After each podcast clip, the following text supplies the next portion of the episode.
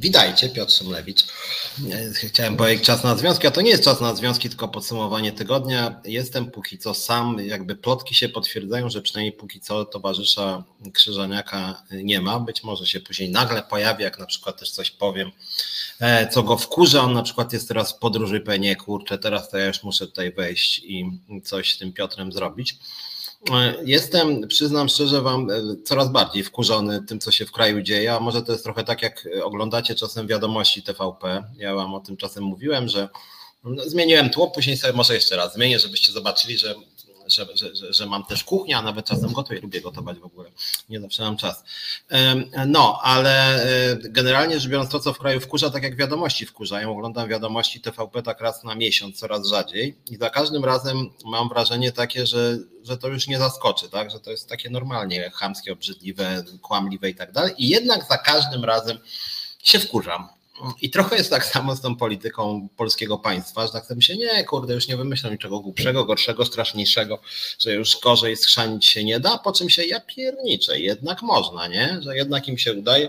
Właśnie słuchajcie, żeby tak podsumowanie tygodnia, to podsumowanie sprzed sześciu minut, bo sobie, czy nawet dwóch minut, tuż przed wejściem zajrzałem sobie na komórkę, jaki jest news i słuchajcie, news jest taki, że wody polskie mają problem z zakupem węgla wody Polskie. Te Wody Polskie, które też taka śmieszna dosyć instytucja, bo Wody Polskie to jest taka instytucja, która jak się okazało przy okazji mm, katastrofy na Odrze, Wody Polskie okazało się, że miały być może dużo zadań, ale nie mogły badać wody.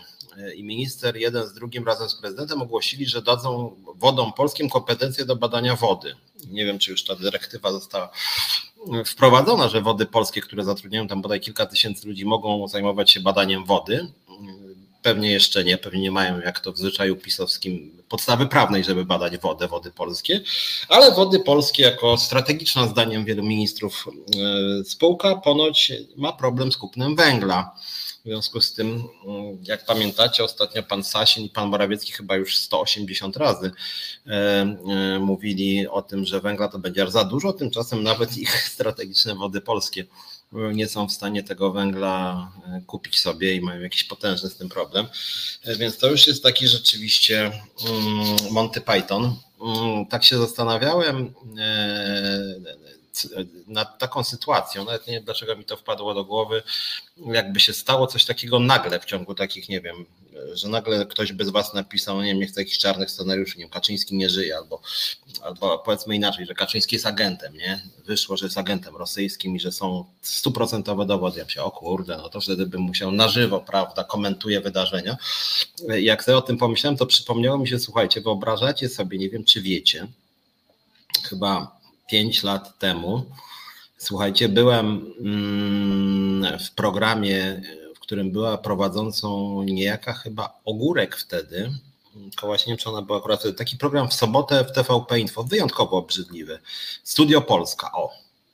Byłem w Studiu Polska i wyobraźcie sobie, że po tym programie z moim udziałem prowadzącego wyrzucili z programu. Znaczy mnie już więcej tam nie zaprosili ale prowadzącego wyrzucili z programu, bo e, słuchajcie, e, a propos tego Kaczyńskiego jako agenta, zrobili wtedy taki bardzo prymitywny eksperyment, ale w stylu TVP Info, mianowicie powiedzieli bodaj, że Petru jest agentem chyba rosyjskim. I co wy na to? No i tam, o kurde, nie, Petru agentem rosyjskim, no można było się spodziewać, nie, czy coś takiego. I tak sobie gadu gadu, a ja tak mówię, ale co, jak, jak to, agentem rosyjskim Petru, nie? Coś mi się tu nie podoba. No i po 10 minutach, kiedy już tam Twittery się rozgrzały, że TVP ujawniło, że Petru jest agentem, nagle prowadzący powiedział, że to był taki eksperyment. Chcieli po prostu sprawdzić, w jaki sposób działają fake newsy. Tak? Fake newsy to już się rozeszło, tam dużo osób potem napisało, a oni chcieli akurat sprawdzić, więc ja wtedy powiedziałem zaraz, zaraz. Mówię, wyjątkowo prymitywna manipulacja, to ja mówię, to dlaczego Państwo nie powiedzieli, że na przykład Kaczyński właśnie jest y, agentem chińskim albo rosyjskim? To może na drugi raz proponuję taki eksperyment, jak już jedziecie, to dlaczego akurat Petru? Jakim jest Petru? Kaczyński ważniejszy. Paweł pisze, że agentem rumuńskim, no ale rumuński to nie robi takiego wrażenia jak rosyjski czy niemiecki, nie? No to jednak większe wrażenie. I właśnie tak jak ja bym teraz powiedział, zacząłbym powiedział, tylko w resecie dowiedzieliśmy się właśnie, że Kaczyński jest, mm, jest agentem rosyjskim, albo bym powiedział, że wszyscy już o tym piszą, żeby, żeby to tak zabrzmiało. Tu Piotr pisze, że jakość dźwięku w kuchni lepsza niż cholera jasna, to może z kuchni powinienem nadawać. Może ta kuchnia jakąś aurę tworzy. Mm, no, ale w każdym razie to był taki wzorcowy przejaw manipulacji. Tam poszło nawet sporo skarg, dlatego że dużo osób napisało właśnie, że ten Petru jest agentem, to poszło, a to okazało żart taki, nie? I to miała być w ogóle dyskusja o odpowiedzialności dziennikarzy, nie? Czyli rzucili fake newsa, wiedząc, że to się rozejdzie i później to miało być właśnie przykład, jak działają fake newsy, nie? I po 15 minutach dopiero czy 20 powiedzieć, no w sumie żartowaliśmy, nie? No więc to tak a propos tych standardów dziennikarskich, ja dosyć ostro ich potraktowałem, w związku z tym mnie więcej już nie zaprosili. Byłem też swego czasu w programie pana Ziemca raz, pana Klarenbacha i również mnie później przez e, dwa lata e, nie zapraszali. Ja teraz już w ogóle od trzech lat mnie nie zapraszają właśnie, dlatego wydaje mi się, że też bym właśnie kwestionował pytania. To z Krzyżaniakiem bardzo często to mówimy, że jak się już idzie do tego obrzydliwego TVP Info, no to wtedy się mówi na przykład, a dlaczego pan w ogóle za pieniądze publiczne takie obrzydliwe pytania zadaje? Co pan jest jakimś sługusem rządu? To panu rząd płaci za to tutaj, czy, czy, czy, czy to jednak podatnicy to jest budżecie? Co pan sobie w ogóle wyobraża, nie? Do Klarenbacha, czy tam jakiegoś Ziemca, czy innej, innej Choleckiej, nie? No a ci posłowie opozycji, jak wiemy, i posłanki tak chodzą sobie e, bez sensu. Witaj Adrianie, dzisiaj Wojtka przynajmniej na razie nie ma, może później mm, się skusi i gdzieś tam wpadnie, więc na razie jestem tylko ja. E, e, zaraz przejdę do takich spraw, bo ja jak wiecie Wojtko jest taki bardziej, jego świadomość tak biega, skacze i, i, i takie robi dygresję w dygresji. Ja zawsze mam jakiś tam plan i staram się być przygotowany w sensie, że tak punkt po punkcie, nie? Wojtko lubi tak skakać i ja wtedy skaczę razem z nim. Plus lubię odpowiadać na wasze głosy, więc konwencje 100 pytań do, więc jak chcecie o czymś gadać, to też możecie pisać, ja staram się zawsze reagować, chociaż z drugiej strony podoba mi się to, że ta audycja ma taką konwencję trochę wieczornej imprezy, nie? Tylko, że tam się nie pobijcie specjalnie, bo zdarzają się jakieś kłótnie między wami. Mm, czasem się Krzyżeniak śmieje i ostatnio zabiera mi głos, jak zaczynam mówić o ZUSie. Nie chcę za dużo o ZUSie dzisiaj mówić, chociaż do 18 października trwa referendum w ZUSie. E, I zaraz powiem o jednej rzeczy, która pośrednio przynajmniej z ZUSem się wiąże, mianowicie o selektywnym mm, pojmowaniu przez niestety również opozycję pojęcia praworządności. Natomiast skończę Wam pewną anegdotę, która pokazuje, jak dziwnym miejscem jest polski biznes. Jak ktoś oglądał mój program środowy, to ja zacząłem o tym mówić, ale to ma dalszy ciąg w zasadzie. E, I pewną ciekawostkę, którą pewnie widzieliście nawet, czy to w wiadomościach TVP, czy to w TVN, bo akurat o tym to wszyscy tam mówili. Mam na myśli zamknięcie do to się mówi, aresztu, chyba to na razie jeszcze nie więzienia, czy znaczy o areszt wystąpiła prokuratura niejakiego pana Wituckiego, prezydenta Lewiatana. Mm, bardzo dużo poszło listów w jego obronie. Mm, no, a ja pośrednio byłem w tą sprawę, nie tyle w tą sprawę zaangażowany, co miałem pewne starcie mm, z panem Wituckim, który teraz siedzi gdzieś tam w jakimś areszcie i chcą go na trzy miesiące przymknąć co najmniej. Otóż e, mówiłem o tym w środę, to tylko e, powtórzę Wam i powiem, jak to się na razie przynajmniej zakończyło. Mianowicie mm, miesiąc temu zgłosiłem na coś, co się nazywa Europejskie Forum Nowych Idei. To jest takie coś, co jest przez co roku organizowane dla polityków, dziennikarzy, biznesmenów, mm, ekspertów Taka w sumie fajna dosyć impreza to była w Sopocie. Inna to jest e, forum ekonomiczne, które jest generalnie wydawało mi się zawsze mniej fajne, bo takie władzowe, tam Kaczyński był człowiekiem roku zawsze, jak, jak był u władzy, jak u władzy był Tusk, to Tusk był człowiekiem roku. Morawiecki był człowiekiem roku, ostatnio ten organizator zawsze się podlizuje władzy. Mm, w tym roku właśnie byłem w tym Karpaczu, gdzie pani Uścińskiej powiedziałem, że łamie prawa pracownicze w ZUS-ie, co ona, to moja wypowiedź dołączyła do akt sprawy sądowej przeciwko mnie. Kumacie, nie? Pytam się, czy pani przypadkiem nie łamie praw pracowniczych w ZUS-ie, ona od razu dwa dni później już ten, moja wypowiedź była w sądzie przeciwko mnie. To ma, ma jazdę ta Uścińska, nie?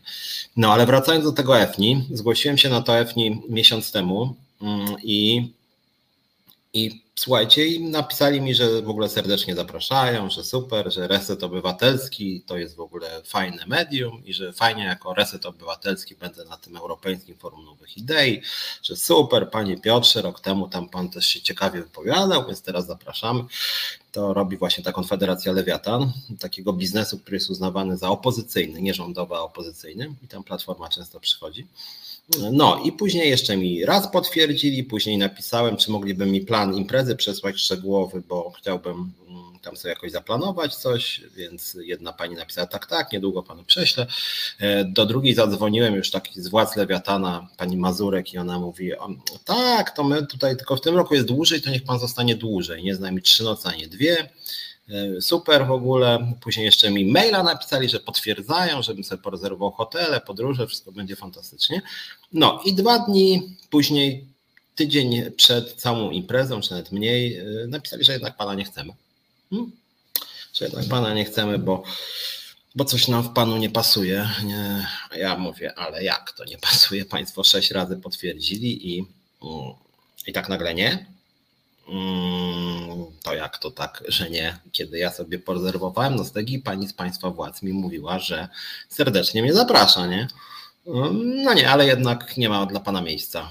Mm, ja mówię, ale jak to? No przecież państwo, ja mówiłem, że mi zależy, bo umawiam się z przyjaciółmi, partnerami, różnymi związkowcami, przesuwam różne rzeczy, to są też koszty.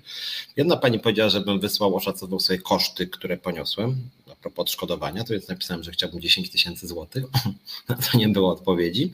A jak zadzwoniłem już do tej pani, mm, która mnie zachęcała, żebym został trzecią noc, to wyobraźcie sobie, że pani powiedziała Mazurek, że ona nie pamięta tej rozmowy ze mną. Nie pamięta, zapomniała. No ale jak to pani zapomniała, skoro to było trzy dni temu, no jakby rozmawiamy poważnie, nie? Czy co ja mam pani jakieś nagrania wysyłać, czy co? A co pan mi grozi? Nie, ja mówię, jak to grożę? Po prostu pani mnie zapraszała, co więcej 15 minut po rozmowie pani mi wysłała plan mm, tego EFNI, nie? Bo tak zrobiła, wysłała mi z prywatnego maila. Znaczy z maila no, korporacyjnego, ale jej nazwisko. A ona mówi, tak sobie panu wysłałam tak sobie, nie? Jak to tak sobie, skoro pani odrzuciła moją akredytację, ponoć wysłała pani tak sobie człowiekowi, którego pani nie chce, jak to? To coś nie rozumiem.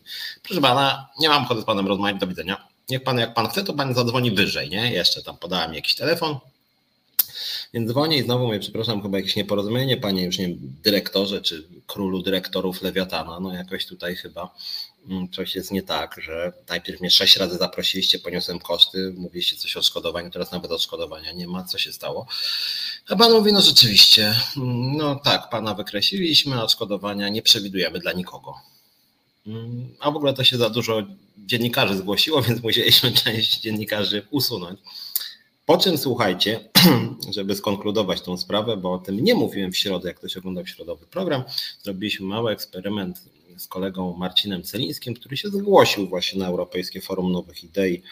Mm, w poniedziałek ostatni, EFNI się zaczęło w środę, dzisiaj się kończy i słuchajcie, w środę rano towarzysz Celiński dostał potwierdzenie, że go serdecznie zapraszają, więc jak chodzi o braki dziennikarzy, nawet z tej samej redakcji okazało się, że jedni chcą, a mnie po prostu nie lubią.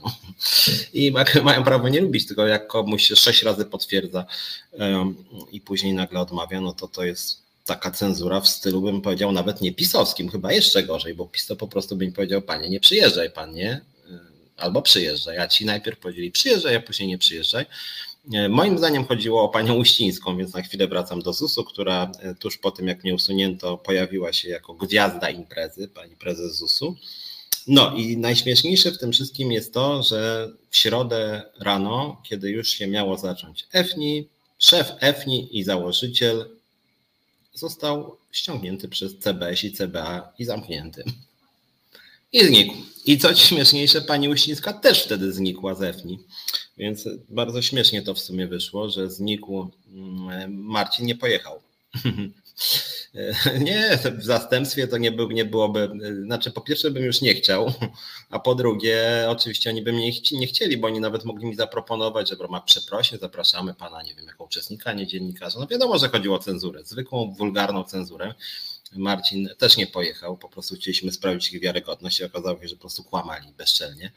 E, natomiast z tym Wituckim wyszło śmiesznie, tak? I e, no oczywiście, że ja tam nie kibicuję pisowskim organom ścigania, nie znam tej sprawy z Wituckim, tylko słuchajcie, bardzo śmieszne jest to, że ten Witucki prokuratura mu zarzuca, że robił przewałę na wiele milionów na ZUSie. na ZUS-ie. Czyli wyrzucili mnie z powodu prezes ZUS, a ich szef, jak się okazało, jest posądzony o to, że robił przewały na miliony na ZUS-ie właśnie, Pefronie i ZUS-ie, tak? Jakieś w ogóle 30 milionów tam w grę wchodzi.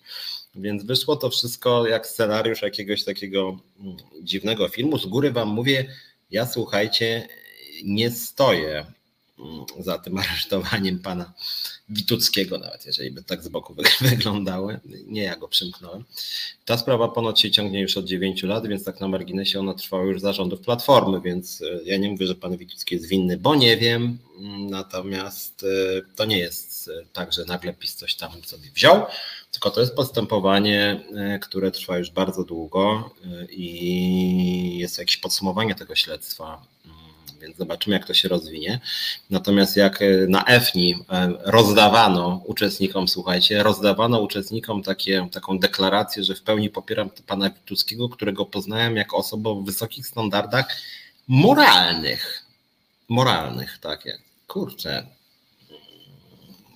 znaczy ja uważam, że on ma niskie standardy moralne, biorąc pod uwagę nawet jak mnie skasował, ale w ogóle, czy wy, wy byście za kogokolwiek ręczyli jako osobę o wysokich standardach moralnych, poza, nie wiem, mężem, żoną, siostrą, córką, najbliższymi przyjaciółmi, no przecież to jest jakiś, kurczę, absurd. Jakie wysokie standardy? Skąd ja mogę wiedzieć, czy pan Wituski? Znaczy moim zdaniem ma niskie standardy, nawet wobec mnie pokazał swoje niskie standardy, ale powiedzmy nawet bym go szanował, to skąd ja mogę wiedzieć, czy on, jest, czy on ma wysokie standardy moralne, jest osobą godną zaufania? Nie wiem, nie znam, znaczy nie, znam człowieka od jak najgorszej strony, a ci, co go nawet znają biznesowo, bo nie wiem, bo w Radzie Nadzorczej Orange chyba, swoją drogą taką wizerunek buduje średni temu Orange, e, to e, czy ja, Piotr pyta, czy nie stoję za nieobecnością Madame Prezes, no trudno wiesz, no, no cóż, no, nie będę tutaj e, za bardzo komentował, ona uciekła, ja się tylko spytałem ironicznie, czy podpisała to poręczenie, takie poręczenie społeczne, to się nazywa za pana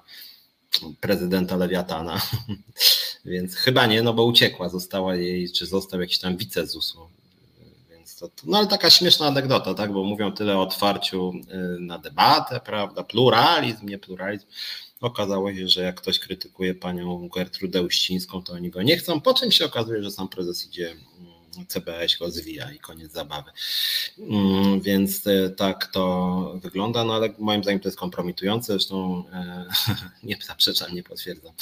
E, zresztą skądinąd, słuchajcie, do Lewiatana należą takie duże firmy, jak na przykład Orange czy IKEA. Mm, w związku z tym no to są firmy, które bazują na zaufaniu społecznym, więc, więc takie traktowanie klientów, czy partnerów biznesowych, czy dziennikarskich jak mnie, no to słuchajcie, tak jakbyście mieli, dzwonicie do Orange i mówicie tam, no e, czy, czy ma pani ten telefon, ta, nie wiem, 123 zł miesięcznie? Tak, tak, mam, oczywiście. To dobrze, to podpiszmy umowę, wysyłamy, dobrze, wysyłamy i później dostajecie na przykład na 488, albo mówią wam, no co prawda się już dogadaliśmy, ale sorry, nie dostaniecie żadnej komórki, mówiła Orange, bo, bo akurat nam się nie chce bo zmieniliśmy zdanie, bo macie jakieś znajomość nie takie, jak wam podoba, bo, bo w sumie to skrytykowaliście jakąś tam panią Uścińską czy inną, którą my lubimy. Mm, więc yy, wydaje mi się, że tu Paweł pisze, że Orantika to główna. Akurat IKEA słuchaj Paweł, zupełnie według mojej wiedzy przynajmniej, jak chodzi o prawa pracownicze, niezłe standardy yy, pracy. Yy, ja nie mówię, że to jest ideał, my tam nie mamy też związku zawodowego, chociaż jak ktoś nas z IKEA czy Orange ogląda, oczywiście zapraszam jako lider związkowy. E, natomiast IKEA ma rozbudowany pakiet i taki antydyskryminacyjny i e, dbają bardzo o to, żeby tam chyba wszyscy mają umowy na etat i dość regularne podwyżki. Ale mówię, nie, nie przyglądałem się temu szczegółowo, więc nie chcę e, rozstrzygać. No ale to taki przykład, chciałem powiedzieć o tym, o tym EFNI, bo ja mam wrażenie, że mm, czy byłeś w Poczcie Polskiej stwierdzam, że to bardzo niepoważna firma, no to akurat bym potwierdził, że ta Poczta Polska to nie najlepiej traktuje pracowników, tam w ogóle połowa to płacę minimalną zarabia. E, I też uważam, że IKEA z homofobem sobie dobrze poradziła. To był jakiś skandal, że gość, który zachęca de facto do zabijania innych pracowników i jak IKEA powiedziała, że to jest radykalny przejaw dyskryminacji, za którą tak naprawdę można postawić wręcz zarzuty karne, i nagle się okazało, że Ziobro się opowiedział wręcz za człowiekiem, który zachęcał do zabijania innych ludzi. Kurde, to jest po prostu koszmar jakiś. Więc ja w ogóle byłem zszokowany, że ktokolwiek stał w obronie pana, który na terenie firmy wobec innych pracowników formułował postulaty typu ukamieniować homoseksualistów, nie? I później go Piotr Duda bronił, tego kościa i Ziobro go chyba broń. No jakby dla mnie to straszne i to mówię nie tylko jako związkowiec, ale też jako obywatel. No kurczę, no zachęcanie do zabijania innych ludzi jeszcze, jeszcze prokuratura zaczyna bronić pana, który zachęca do zabijania, no jakby trochę się robi zimno, że tak powiem, że w ogóle coś takiego jest i że tak powiem, nawet jeżeli wiemy, że pan Ziobro jest homofobem, ale jeżeli w ogóle ktokolwiek zachęca do zabijania ludzi, cytuję sobie akurat te paragrafy Biblii, które są najbardziej barbarzyńskie i, zachęcają do zabijania ludzi, no to chyba taki człowiek raczej powinien mieć jakieś postępowanie w ogóle. Ja nie mówię tylko o zwolnieniu z pracy dyscyplinarnym za właśnie dyskryminację, no, ale w ogóle też chyba postępowanie karne za zachęcanie do zabijania ludzi, no groźby karalne, to jest paragraf po prostu w kodeksie karnym. Więc tutaj to też taka jedna z wielu mm, elementów patologii polskiego państwa. Natomiast słuchajcie, powiedziałem o tym EFNI, mm, no właśnie, nauka Kościoła to rzecz święta. No, w tym wypadku dosłownie interpretowana Biblia, ale to już nawet wielu, wielu, wielu chrześcijan jednak Biblii dosłownie, że tak powiem, nie interpretuje, no bo dosłowna interpretacja Biblii, kurde, no to jakieś barbarzyństwo jest trochę, bym powiedział, wielu aspektach Biblia jest straszna, jak wiemy. No ale powiedziałem o tym EFNI, bo, y, bo to EFNI to jest dla mnie tak, pomyślałem sobie szerzej trochę, y, że to EFNI to jest mm, taki przykład y, takich wszechobecnych układów. To brzmi trochę banalnie, ale jak się temu przyjrzeć, to naprawdę te układy w Polsce kurczę są wszędzie, bo kto by się spodziewał, że taki Witucki, pan szef Lewiatana, aresztowany przez służby, jest przyjacielem pani Uścińskiej, y, która jest szefową ZUS-u z nadania pisowskiego. Z drugiej strony y, we władzach y, Lewiatana są ludzie o poglądach niby antypisowskich, ale jest też na przykład pan Męcina, który był wiceministrem w rządzie PO-PSL, a później mm, został doradcą y, szefa portów lotniczych, y, niejakiego Szpikowskiego, który był pisowskim pistoletem, który, który wykorzystywał y, CBA do realizowania swoich interesów i tak na marginesie pozwał mnie o milion złotych mniej więcej. I ten Męcina z Lewiatana, który był kiedyś w rządzie PO-PSL, był jego doradcą. Nie? Czyli najpierw PO, później nagle do PiS sobie przeskoczył, a teraz jest w Lewiatanie, którym, e, którego szef uchodzi niby za antypisowskiego. Mm, aktywizacji zawodowej, Darek. Zajmę się chętnie problemem aktywizacji, a może nie dzisiaj, na środę może przesunimy ten, nie chcę jednak tak mieszać tych dwóch programów, ale chodzi mi o to, że, że, że, że ta sieć jakichś takich powiązań kolesiowskich jest po prostu kurczę wszędzie. Też mm, to dotyczy właściwie i świata politycznego, i świata dziennikarskiego, takich namaszczeń, nie? Że, że, że pewne osoby to w ogóle nie wypadają z tego obiegu. No nawet sprawa Lisa. Sprawa jest oczywiście Lisa kontrowersyjna. Moim zdaniem jest, są wiarygodne przesłanki, że on jest dosyć osobnikiem odrażającym w stosunku do kolegów i koleżanek z pracy. To znaczy tych relacji jest dosyć dużo, które uwiarygadniały to, że on po prostu był moberem. Zresztą ja no, znam wielu dziennikarzy, wielu z nich też ufam, którzy jakby te same relacje były, tak? Czyli jakby no trudno to uznać, że osoby, które się nie znają, mówiły o podobnych chamskich, mobbingujących, dyskryminujących zachowaniach Lisa. Mm, a mimo to, że są dobrze udokumentowane zarzuty, to on jakby nie wylatuje z obiegu, tak? Że on cały czas musi być na topie i jakby jest e, cały czas dowartościowywany. Jakoś on teraz miał ten udar czwarty, zresztą tego niesamowity człowiek ma udar i następnego dnia rana już tam nawala coś na tym Twitterze. Naprawdę to jest człowiek bogaty, więc mógłby nie wiem, no może wyjechać, nawet jego stać na to, żeby nawet na dwa miesiące na Seszele wyjechać, czego mu życzę, to może by doszedł do zdrowia, ale niezależnie już od tego, jak go daję jako taki przykład człowieka, który cały czas musi być na topie, zawód dyrektor, nie? Właściwie dlaczego on był tak długo na topie, kiedy on dziennikarsko już od lat nie jest jakiś porażająco mądry. Więc tutaj od, od, od razu powiem, że y, to, co mi się na przykład w resecie podoba, że, że, że są u nas ludzie, którzy właśnie nie są znani. Ja cenię reset za to, że pojawili się tutaj też ludzie, którzy, którzy, którzy tutaj robią nową robotę. Ja też w tej formule, w tej formule e, właściwie tu ją realizuję. Uważam, że jest fajna. Mam na myśli tą z Krzeniakiem, bo to mnie Krzeniak właściwie zaprosił, ale też tą właśnie środową czas na związki. Więc to, co mi na przykład w największych mediach brakuje, że tam w ogóle nie ma zazwyczaj konkursów, tak? Że na przykład y, w jakimś tam TOK FM czy w jakimś RMFFM, to musi być cały czas ten sam obiekt, tam w ogóle nie ma castingów, nie? Że nie wiem, nawet też ostatnio do tego, zaraz do Radia Z trafiła Szczuka czy RMFFM. No w każdym razie też Szczukę dają, która w ogóle się tam nie odnajduje, ale jakoś tam przez znajomości musiała trafić. Więc ja mówię nawet o tym powiedzmy bardziej postępowej części sceny e, medialnej, że są jakiś system namaszczeń w ogóle, że są wyłącznie znane osoby, które poza konkursami dostają stanowiska, tak?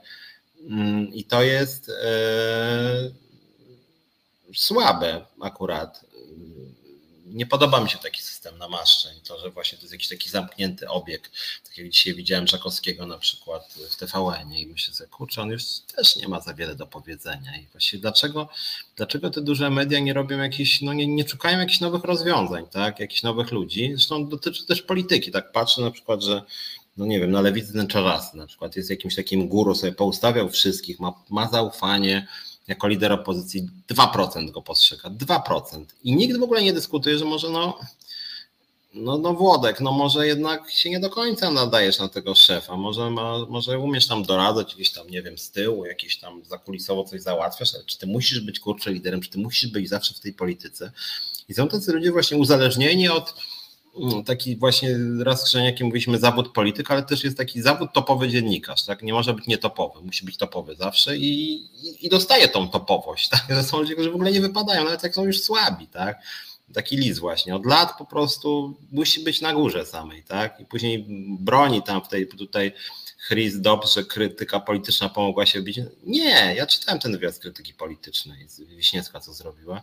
Ja nie wiem skąd zarzuty, że ona mu się pomogła wybić. No, ona akurat tam wymieniła te podstawowe zarzuty. No, dziennikarstwo nie polega na tym, że, że prowadzący wywiad wchodzi na głowę swojemu gościowi, tylko mm, zadaje mu, że tak powiem, trudne pytania i jak, jak, jak, jak gość nie potrafi sobie z nimi poradzić, to niech widzowie sami ocenią mam być szczery, nie wiem, czy czytaliście, był faktycznie wywiad w krytyce politycznej z Lisem. Uważam, że Lisem nie poradził u Wiśniewskiej. No ona mogła jeszcze kilka pytań trudnych dodać, ale nie poradził sobie Lis w tym wywiadzie. Uważam, że nie zdał egzaminu. Zresztą nawet kierownictwo TOK FM, ja nie wiem jak to będzie po tym udarze Lisa, czy to tam, bo on tam miał wrócić, ale kierownictwo TOK FM nawet wydało chyba jakiś komunikat, że on właśnie tym e, wywiadem, e, co Żakowski, bo to Żakowski uznał, że, że, że on wszystko wyjaśnił tym wywiadem, to nic nie wyjaśnił i, i, i zdaje się, że władze TOK FM też powiedziały, że on nic nie wyjaśnił. Więc tutaj wydaje mi się, że, że to akurat nie jest jakaś tam, że to nie, nie krytyka polityczna czy Wiśniewska coś narozrabiała, co najwyżej Żakowski, który powiedział, że wszystko jest okej. Okay. No nie wiem, jak przeczytać ten wywiad, moim zdaniem nic list tam nie wyjaśnił. Wręcz przeciwnie, Bucowata mówił, że właściwie to on miał rację, on jest tam inne pokolenie, inny styl, więc tak nawet kogoś tam trochę prześladował, to bez przesady, nie? No, w jego kategoriach to te jego prześladowania są małe, nie? No trochę tak to brzmiało tak naprawdę. Więc moim zdaniem, jak ktoś tak z zewnątrz czyta, na przykład ja, to ja uważam, że on w ogóle się nie wybronił w tym wywiadzie, w ogóle. Właściwie potwierdził zarzuty moim zdaniem. Mm, więc, e, e, więc tutaj to, to, to, to, to ja uważam, że się nie wybronił. Tam jest jeden ciekawy wątek, nie wiem czy czytaliście, bo na krytce później e, pojawiła się dyskusja o tak zwanej kulturze zapierdolu. To jest w ogóle ciekawy temat, tak? Na ile, na ile mamy skracać tydzień pracy, na ile powinniśmy się realizować pracę. Są zresztą dwie tradycje marksizmu. Mm, niezależnie od tego, co sądzicie o Marksie, jakby później ta dyskusja, którą Marx zainicjował,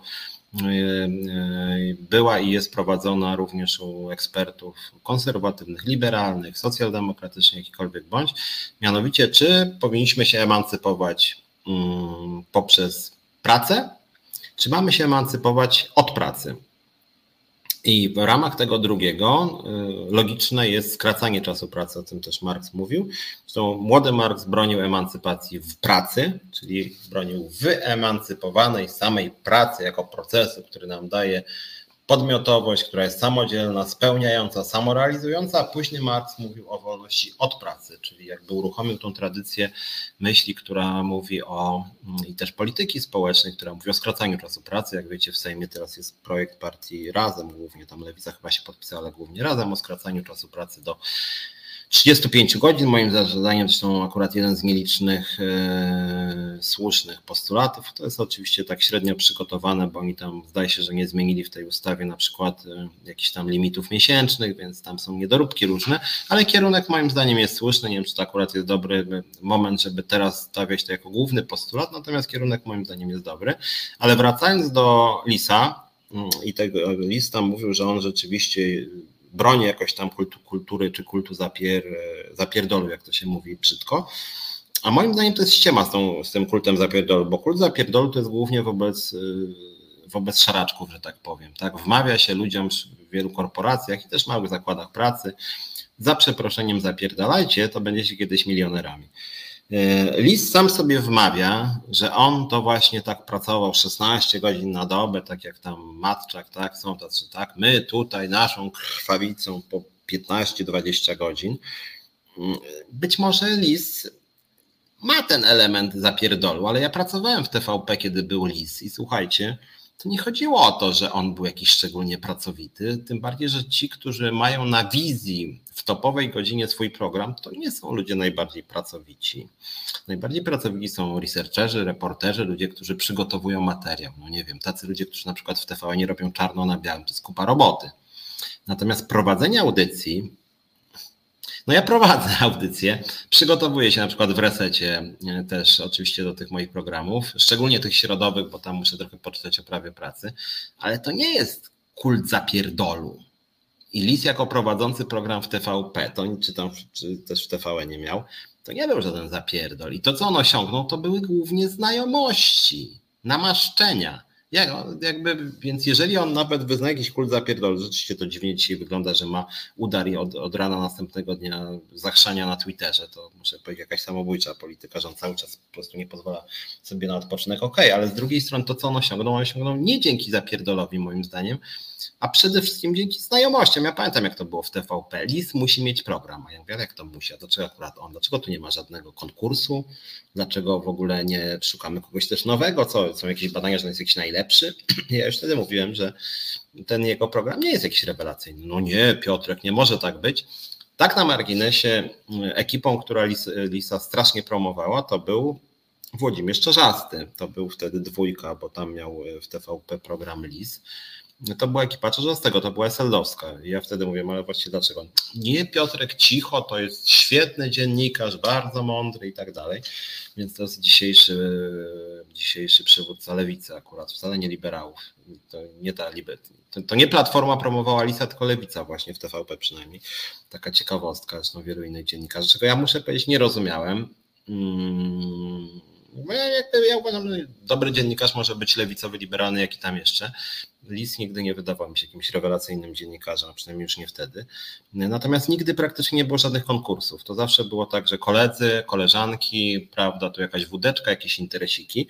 I wracając na chwilę do tego lewiatana, mam wrażenie, że to też jest taka sieć, że jakby tak narysować, to tu się nagle okazuje, że tutaj jest, nie wiem, ZUS, tu jest niby opozycyjny lewiatan, powiązany z lewicą niby OPZZ na przykład, ale ten OPZZ ma powiązania częściowo z PiSem, PiS ma powiązania częściowo e, z pracodawcami RP, a ci mają z Platformą Obywatelską i to jest cała taka sieć znajomości, namaszczeń, koleżeństwa e, kolegów, która jest aż e, szokująca. Tu, żebym nie zapomniał o naszym forum, Melon Sask pisze, czy jestem za ograniczeniem dostępu do Biblii tylko dla dorosłych, co w głowach mają ludzie karmieni tym dziełem niskoliterackim od dziecka.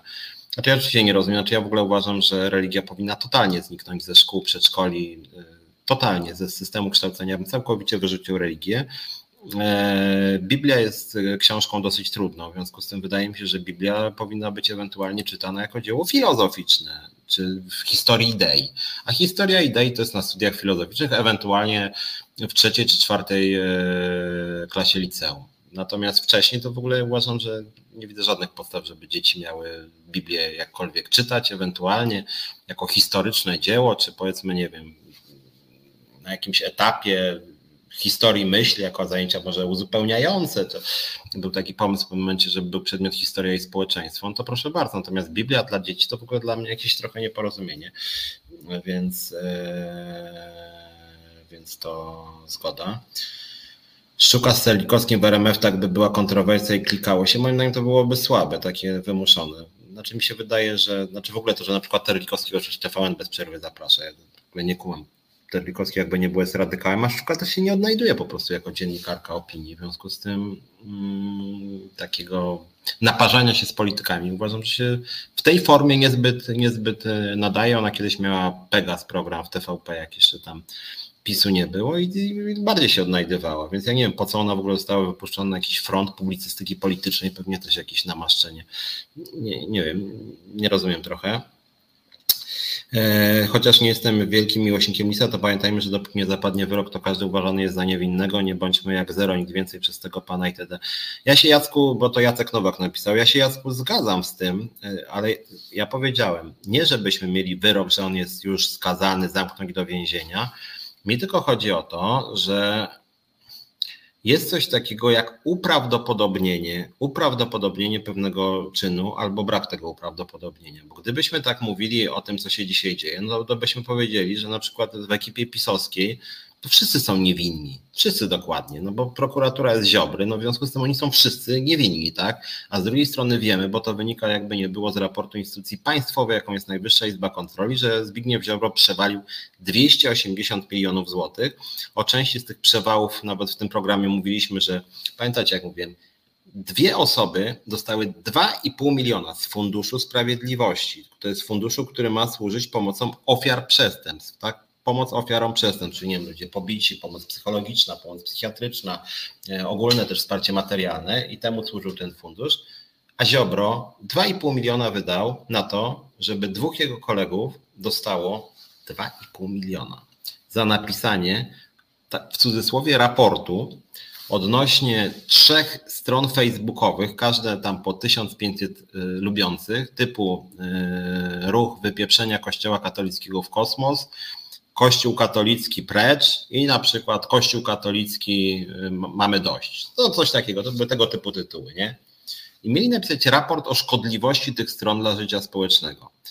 Ich raport, trochę jak książka Mai Staśko skądinąd, składał się wyłącznie ze skanów, wyłącznie. Skopiowali sobie po prostu wpisy na tych trzech stronach, 118 stron, kopiuj wklej, ja bym to zrobił w godzinę, i dopisali jedną stronę podsumowanie. Było to badanie trzech stron internetowych, y, na których było 3000 lajków tu, 3000 lajków tu, 2000 lajków tu, po 15 komentarzy.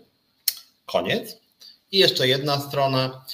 Y, wydaje się, że na stronach była krytyka Kościoła katolickiego, ale nie jest jasne, jaki jest wpływ tej krytyki na życie społeczne. 2,5 miliona. Koniec dzieła. Koniec dzieła. No i teraz pytanie, czy Ziobro, Jacku, powinien ponieść konsekwencje czegoś takiego, nawet wizerunkowe? Nie ma wyroku sądu. No nie ma. Moim zdaniem to jest przewał. Czy sprawa respiratorów? No mamy już naprawdę bardzo dużo faktów, tak? To są przewały. Tak samo na przykład to, co nawet Sekielski w swoich filmach wobec niektórych biskupów i księży. E, czy to, co ja mówię odnośnie Jana Pawła II, że no, Jan Paweł II już nie żyje, ale, po, ale odsłanianie tych kolejnych szczebli, tego, że księża wiedzieli, biskupi wiedzieli, papież wiedział, od, współodpowiadał za ten system krycia. Więc są takie typy, moim zdaniem, hmm, przestępstw, czynów nagannych, za których ludzie powinni odpowiadać. Wracając do Lisa, jeżeli przeczytasz sobie, Jacku, e, nawet materiał Jadczaka, ja bym jeszcze, nie mam teraz czasu się tym zajmować, ale jak miałbym pogrzebać, to ja sam znałem ludzi pokrzywdzonych i znam pokrzywdzonych przez Lisa, którzy potwierdzają to, co mówił Jadczak. Eee, sam Lis, jak poczytałbyś wywiady z Lisem, wcale nie przeczy temu, że rzeczywiście, tylko że on to inaczej nazywa. Potraktowałem ostro, kultura zapierdolu, czasem się człowiek może zdenerwować no niestety ten obraz się wyłania bardzo słaby. Po prostu Lis moim zdaniem nie rozumie tego, że to, co on robi, to jest mobbing. I to wydaje mi się, że jest ważne, to jest raz, a dwa, po prostu nie jest dobrym dziennikarzem od lat. W związku z tym, no, Więc tu się trochę zgadzam z Piotrem Strychalskim, że to jest jednak kompromitujące dzisiaj taka obrona Lisa. To jest po prostu słabe. Więc zaczynają pytać, czy jest skazany prawomocnym wyrokiem. No mówię, nie jest. W spisu nikt nie jest skazany prawomocnym wyrokiem. A Mejza? No i co? Co sądzicie o Mejzie? No nie jest skazany. No i co w związku z tym? No facet jest totalnie skompromitowany. No kurczę, na dzieciach próbował robić biznes. Nawet jeżeli to byłoby zgodne z prawem, nawet jeżeli byłoby zgodne z prawem, powiedziałem, bo ja nie znam dobrze przepisów orzecznictwa, to moim zdaniem e, to, co zostało ujawnione w sposób przekonujący Mejza, nie potrafił temu zaprzeczyć, jest absolutnie kompromitujące dla Mejzy. Absolutnie kompromitujące. E, I uważam, że to jest człowiek skompromitowany, chociaż nie ma prawomocnego wyroku. I takich przypadków jest bardzo dużo. I ci ludzie, kurczę, później wracają. Ten Mejza, a propos, ekspert TVP coraz bardziej. Ja pierdzielę po prostu. No, was to nie wkurza, facet nie ma wyroku rzeczywiście. Może być poseł jak każdy inny. A ja, a, a ja myślę, że ty sukinsynie po prostu obrzydliwy. Na dzieciach robiłeś biznes, ty pieprzony oszuście, nie? E, no nie ma wyroku, no. no ale facet jest moim zdaniem jakimś w ogóle bydlakiem, no jakaś straszna postać ten Mejza, nie? I, i spoko, nasz, nie? No czy to, co mówiłem o Ziobrze, czy to, co było z tymi respiratorami, no przecież tych afer pisuje strasznie dużo, oni chronią swoich, no i niestety trochę jest tak, że po tej drugiej stronie też zdarzają się mechanizmy krycia swoich. No ja na przykład ostatnio, bo trzeba być też uczciwym, był, e, był, była sprawa na kongresie kobiet, była pani Renata Kim. Została przedstawiona jako bohaterka. Bohaterka, przedstawiona została jako bohaterka. E, ja myślę, kurczę, no okej, okay, no fajnie, że powiedziała Oli się to, co powiedziała, była odważna, ale z drugiej strony jest, e, jest wobec niej, są wobec niej zarzuty, że ona też mobbingowała i że był dziennikarz, który bał się bardziej e, jej niż Lisa, bo ona wtedy była lewą ręką Lisa. I ona odpowiedziała, nie pamiętam jak on się nazywał, temu dziennikarzowi, którego jego zdaniem ona mobbingowała, że ten pan to domyślnie do niczego się nie nadawał, bo się zajmował, słuchajcie, dzieckiem i się nie przykładał wystarczająco do pracy, powiedziała feministka Kim. Po czym na zarzuty, że, że, że, że w sumie to jest niefajne, jak ona tam się zwracała, ona powiedziała, że ona to już go przepro, przeprosiła i wszystko jest zamknięte, bo ona tak uznała. Przeprosiła, czyli sama przyznała, że coś było nie tak i w związku z tym, że ona powiedziała, sorry stary, kurde, dajmy już sobie spokój, to ona zamknęła temat, nie? Czyli załatwiła sprawę w stylu Lisa i przychodzi na taki kongres kobiet jest bohaterką, w ogóle nikt nie ma wątpliwości, że może no wypadałoby jej spytać, ja nie mówię, że ona jest winna, ale może wypadałoby e, ją spytać i nikt nie pyta, tak? Tak samo jak z Lisem to środowisko, powiedzmy, nazwijmy to liberalne, e, część uważa Lisa za bohatera i tyle. No ja uważam, że wszystkim powinniśmy zadawać pytania. Ja sam osobiście spotkałem się z mobbingiem bardzo brutalnym ze strony OPZZ-u pewnie niedługo będzie w ogóle proces jednej dziewczyny, którą oni tam zmasakrowali zupełnie. Ja wtedy prosiłem o pomoc, jak była ta sprawa, między innymi do pana Śmiszka pisałem, Towarzystwa Antydyskryminacyjnego. Mm, sorry, no ale to złożona sprawa. Pisałem do części feministek, najwyraźniej nie pasujesz, nie? Bo akurat mieli projekty wspólne z OPZZ-em i po prostu to jest w Polsce niestety wszędzie, ta wybiórcza, selektywna wrażliwość, to krycie swoich, to to, to, to mówienie, że, że, że, że tu nie ma prawomocnego wyroku, a no wobec Ziobry też nie ma prawomocnego wyroku. No i co w związku z tym, czy Mejzy? No nie ma. To co, mamy bronić Mejzy, że oni są w sumie spoko? No jednak chyba też y, jesteśmy ludźmi inteligentnymi i powinno być tak, że przyglądamy się materiałom i oceniamy, na ile one są wiarygodne i dyskutujemy, czy są wiarygodne. I myślę, że akurat na przykład wobec Mejzy, y, Ziobry, czy Lisa są wiarygodne. Ziobro uważam, że dużo więcej złych rzeczy zrobił niż Lis, ale to, co robił Lis, fajne moim zdaniem specjalnie nie było. Bożena Breczko słusznie przy kiedyś się wybili, popłynęli na fali, a dziś tylko odcinają kupony. No właśnie, to, to jest strasznie skostniałe te kręgi. Dotyczy to tak e, TVN-u, TVP, TOK FM, jak i partii politycznych, tak? Nie wiem, Lewicy, Platformy, nawet PiS czasami, znaczy PiS z jednej strony jest otwarty o tyle, że nowych tam wyrzuca nawet ten Duda, przecież prezydent to tak był nieznany, no ale z drugiej strony rządzą ci sami panowie starsi, czyli Kaczyński, Terlecki, tam Kuchciński teraz wrócił, Mędrzec, więc, więc to o tym warto pamiętać. Jeszcze wracam do, do waszych, patrzę wasze wpisy nie ma co przepraszać za Marksa wraz z marksistami, to ważny nurt myśli ludzki, nie ma co dołać, co by nie myśleć o Marksie. Nie, nie, ja w ogóle, ja pisałem pracę magisterską pisałem dwie prace magisterskie, bo jestem po socjologii i filozofii. Jedna była o Marksie, druga była o Marksie i Habermasie, więc ja w ogóle uważam, że tradycja marksistowska jest bardzo cenna, ja tego akurat nie ukrywam. Matczak jest biskupem tej kultury. No jest. A właśnie wracając jeszcze do tego, co mówił Matczak i częściowo Lis, ja myślę, że ta kultura tak zwanego zapierdolu jest szczególnie bezsensowna, jak chodzi o ludzi, którzy pracują na przykład w sektorze mm, gastronomii, handlu, y, ochrony, y, setki tysięcy, setki tysięcy ludzi. No i tam rzeczywiście, no co, pracuje pani nie, w Biedronce czy Żabce i co mamy jej mówić? Wie pani co, niech pani popracuje tak 16 godzin na dobę, to będzie fajnie, to może pani tam, nie wiem, niedługo będzie właścicielką tej żabki. No ale to tak nie działa. To, to w ogóle nieprawda jest, nie? To jest po prostu wykańczająca praca i wydaje mi się, że warto dzielić te zawody, w których w ogóle które służą, że tak powiem, temu, żebyśmy jakoś po prostu mieli z czego żyć i to nie jest jakaś przyjemność wielka i to niestety dotyczy bardzo dużej e, liczby miejsc pracy i pracowników, a z drugiej strony są takie zawody, które dają nam satysfakcję i fajnie byłoby, gdyby praca nam wszystkim dawała satysfakcję, no ale trudno rzeczywiście, żeby praca w handlu czy gastronomii dawała satysfakcję. No jest w ogóle męcząca, często jest mało dowartościowująca, więc tutaj szczególnie idea skrócenia czasu pracy mm, jest dobra. Natomiast Tomasz Lis, który tak sobie może mówić, no kultura zapierdolu, ja tam lubię właśnie zapierdalać, tak, od rana do wieczora. No jak się jest szefem redakcji, który który wydaje bez przerwy polecenia ewentualnie, który czuje się dobrze na swoim miejscu, on sobie może mówić, że o, ja to bym chętnie pracował od rana do wieczora. Tutaj, Heniu, przynieś mi kawę, ty napisz mi tekst, ty, to w ogóle wynocha. Nie, no to, to niechby Lis spróbował popracować 16 godzin na przykład y, za ladą i wtedy zobaczymy, czy to byłaby taka fajna kultura zapierdolu.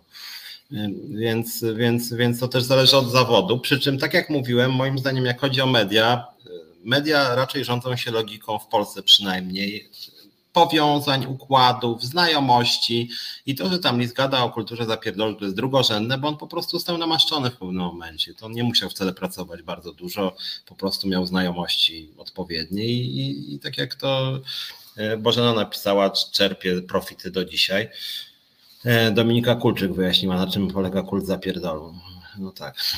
Znaczy jest też prawdą z drugiej strony, e, e, jest też prawdą, tylko być może to nie Dominika Kulczyk akurat powinna o tym mówić, że część osób bardzo szybko by chciało awansować natychmiast. To widać w polityce, tak, że nie wiem, jakaś osoba lat 20 już by chciała zawód dyrektor, tak? Już chce być szefem. Mnie to trochę bawi, że szczególnie na lewicy też tam co drugi jest szefem czegoś, nie? Szef młodzieżówki lewicy tutaj, szef wojewódzkiej lewicy, szef taki, szef śmaki. Wszyscy są, po prostu wszyscy są szefami, zanim w ogóle, zanim w ogóle nauczyli się czegokolwiek, nie?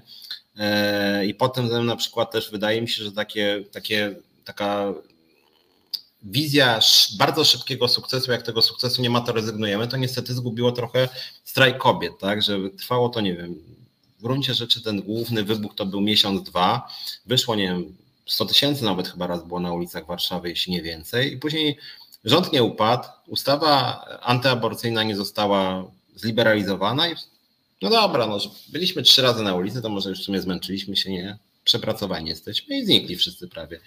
Więc pod tym względem e, ja nie chcę tutaj chwalić tego zapierdolu, tylko chodzi mi o to, że, że u części ludzi młodych mam wrażenie, że jest taka, no takie nastawienie na bardzo szybki sukces. Tak mam na myśli też w tym wypadku również ruchy społeczne, że, że to jest aż niesamowite, jak strajk kobiet strasznie szybko upadł. No to jest aż szokujące. Tam było naprawdę kurczę, 100 tysięcy ludzi, poparcie bardzo dużej części społeczeństwa, po czym pojawiło się i nagle zmiotło zupełnie. No oczywiście, że tam było dużo wad, tam Lempart, można mieć dużo zastrzeżeń, no ale mimo wszystko myślę, że dużo tych ludzi też po prostu jakoś, no właśnie uznało, że nie, że nie chce im się po prostu, że już tak się namęczyli, że, że nie, a pod tym względem przy wszystkich wadach e, te ruchy typu obywatele RP to są ludzie znacznie starsi, wręcz często emeryci, czy, czy Komitet Obrony Demokracji. Można mieć dużo zastrzeżeń, nie podpisuje się pod wszystkimi postulatami, czy też jakimś takim kształtem ruchu, no ale część z tych ludzi, mając często lat i nawet 70-80, regularnie deszcz, śnieg od lat wychodzą.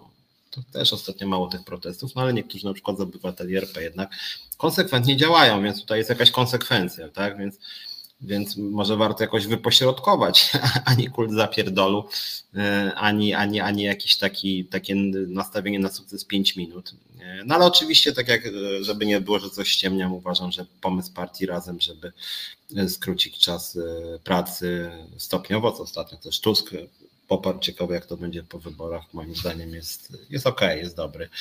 Eee, niestety Żakowski rozczarował w sprawie Lisa Wiśniewska, a teraz piątki. No zobaczymy. Eee, ja też nie jestem jakimś fanem Żakowskiego, żeby było jasne. Eee, natomiast Marek ma rację, że najbardziej mądrzyły się Kulczykowa i żona Brzoski, która się lansowała jako prezenterka pogody, więc to jest śmieszne, że jak ci, jak ci celebryci, którzy generalnie się obijają, obijają się często i mają kasę właściwie za nic, mówią, no roszczeniowi tam ludzie, nie? Mówi jakaś, jakaś pani, która po prostu za nie wpis na Instagramie dostaje pieniądze i to jest jej ciężka praca, nie? To to są dopiero darmozjady, tak? Te jakieś tam jacyś tam właśnie celebryci, którzy uważają, że ich ciężka praca polega na tym, że mają sesję zdjęciową na Ceszelach. No to, to, to akurat trudno większych darmozjadów rzeczywiście. I to jest ta kultura dowartościowywana jakoś też przez część tych mediów społecznościowych, że właśnie jakiś wpis na Instagramie, ciężka praca, nie? E, no i to trzeba przyznać, że jest e, bardzo słabe. Paweł Krzysztof Kołodziej, najciekawsze jest to, że ci bogole, którzy tak mówią, że od rana do nocy pracują, jakoś dziwnym trafem większość czasu spędzają w studiach TV albo na plażach. No właśnie o tym mówię, że są tak naprawdę lenie w większości i to takie bezczelne lenie, nie? Nic nie robią, tylko tylko się, tylko się lansują, e, często jeszcze tam ktoś im w ogóle robi te zdjęcia i ci ludzie, którzy wokół nich biegają, to robią znacznie cięższą robotę niż oni sami, tak? jacyś tam fotografowie wobec nich biegają i pani, nie wiem, idzie się kąpać na Seszelach, w wolnej chwili między, e, między kąpielą w morzu i e, posiłkiem w ramach all inclusive ktoś jej zdjęcia robi, to jest jej strasznie ciężka praca, później praca do Warszawy i z Seszeli jedzie na Wyspy Kanaryjskie, no i taki ciężki jest ten lot samolotem, że to kurczę. Więc jeżeli takie ciężkie, to, e, to, no to, to, to ja też tak mógłbym popracować, nie? No, mi insynuuje, że zazdroszczę Lisowi. Hmm ale właściwie, że co, zazdroszczę, że on ma program, y, no teraz już traci go, no ale powiedzmy, że miał w TVP. Znaczy, jak mam być szczery, no mogę powiedzieć trochę zazdroszczę w tym sensie, że uważam, że on nie był dobry. Ja nie mówię, że, że, że ja powinienem dostać, chociaż uważam, że miałem ciekawe pomysły już wtedy, jak byłem w TVP i na przykład podsuwałem pomysły, nie wiem, co sądzisz, Noe, żeby na przykład więcej rozmawiać o nierównościach społecznych, o różnych rodzajach własności w gospodarce, o prawach pracowniczych, o praworządności. Miałem też pomysł, żeby zrobić program w TVP, w którym przedstawiciele różnych religii i ateista by dyskutowali o kluczowych sprawach. Ja też y, nawet do różnych programów publicystycznych wtedy w TVP podsuwałem wątki właśnie związane z tym, z takimi problemami jak ochrona zdrowia, bezrobocie, wykluczenie społeczne i takie listy nie chciały tych materiałów. I uważam, że robili złą robotę po prostu, więc y, więc jeżeli pytasz o zazdrość, no zazdrość jest indywidualna. Wiadomo, że te, też mam ambicje, nie wiem jak oceniacie mój program tutaj, no bo też jestem w sumie dziennikarzem, ale, ale uważam, że list nie robił dobrej roboty. Znaczy to było na dosyć słabym poziomie. To było efekciarskie, ale merytorycznie było średnie, podobnie jak Olejnik. No sorry, no ale kim jest Olejnik, kurczę, że ona ma program w telewizji? Naprawdę uważacie, że Olejnik jest dobrą prowadzącą? Bo ja mam bardzo, bardzo poważne wątpliwości. Uważam, jest po prostu słaba merytorycznie i i, uważam, że dobrze by TVN zrobił, jakby zrobił jakiś casting na prowadzącego, który byłby od Olejnik po prostu lepszy. To nie, moim zdaniem to też nie ona tam przyciąga jakoś bardzo dużo widzów, tylko ta godzina akurat ludzie oglądają publicystykę. I to samo jest, a jak chodzi w ogóle o prezenterów, yy, czy to w TVN-ie, czy w Polsacie, czy w TVP, to w ogóle oglądalność, bo ja akurat przyglądałem się tym statystykom, oglądalność w ogóle ma luźny związek z nazwiskiem prowadzącego jak chodzi o, o ten segment y, y, głównego wydania wiadomości czy faktów, bo to ludzie po prostu oglądają na zasadzie przyzwyczajenia, a naprawdę czytać z promptera, moi drodzy, to przypuszczam, że jedna czwarta z Was po krótkim kursie szkoleń mogłaby spokojnie poprowadzić główne wydarzenie faktów czy wiadomości. Uje, musielibyście poczytać, nauczono by Was, ale naprawdę wiele osób by potrafiło to zrobić, e, więc to, że akurat, że akurat są namaszczeni i muszą to, bo nie wiem, pani Cholecka kocha pana prezesa Kaczyńskiego, no to ona musi, prawda, to mieć. Mm, I takich jest dużo takich namaszczonych, ale to nie jest bardzo trudne czytać z promptera. I to naprawdę nie wymaga bardzo dużo pracy. Sam byłem w TVP, widziałem jak prowadzący w, w panoramie na przykład przychodzili za 15 program, dostawali karteczkę, czytali dziękuję, do widzenia i zarabiali pięć razy tyle kasy, co reporterzy i researcherzy, którzy materiały robili e, cały dzień. Cały dzień, czyli 8 godzin pracy, mniejsze wynagrodzenie niż 25 minut czytania z promptera.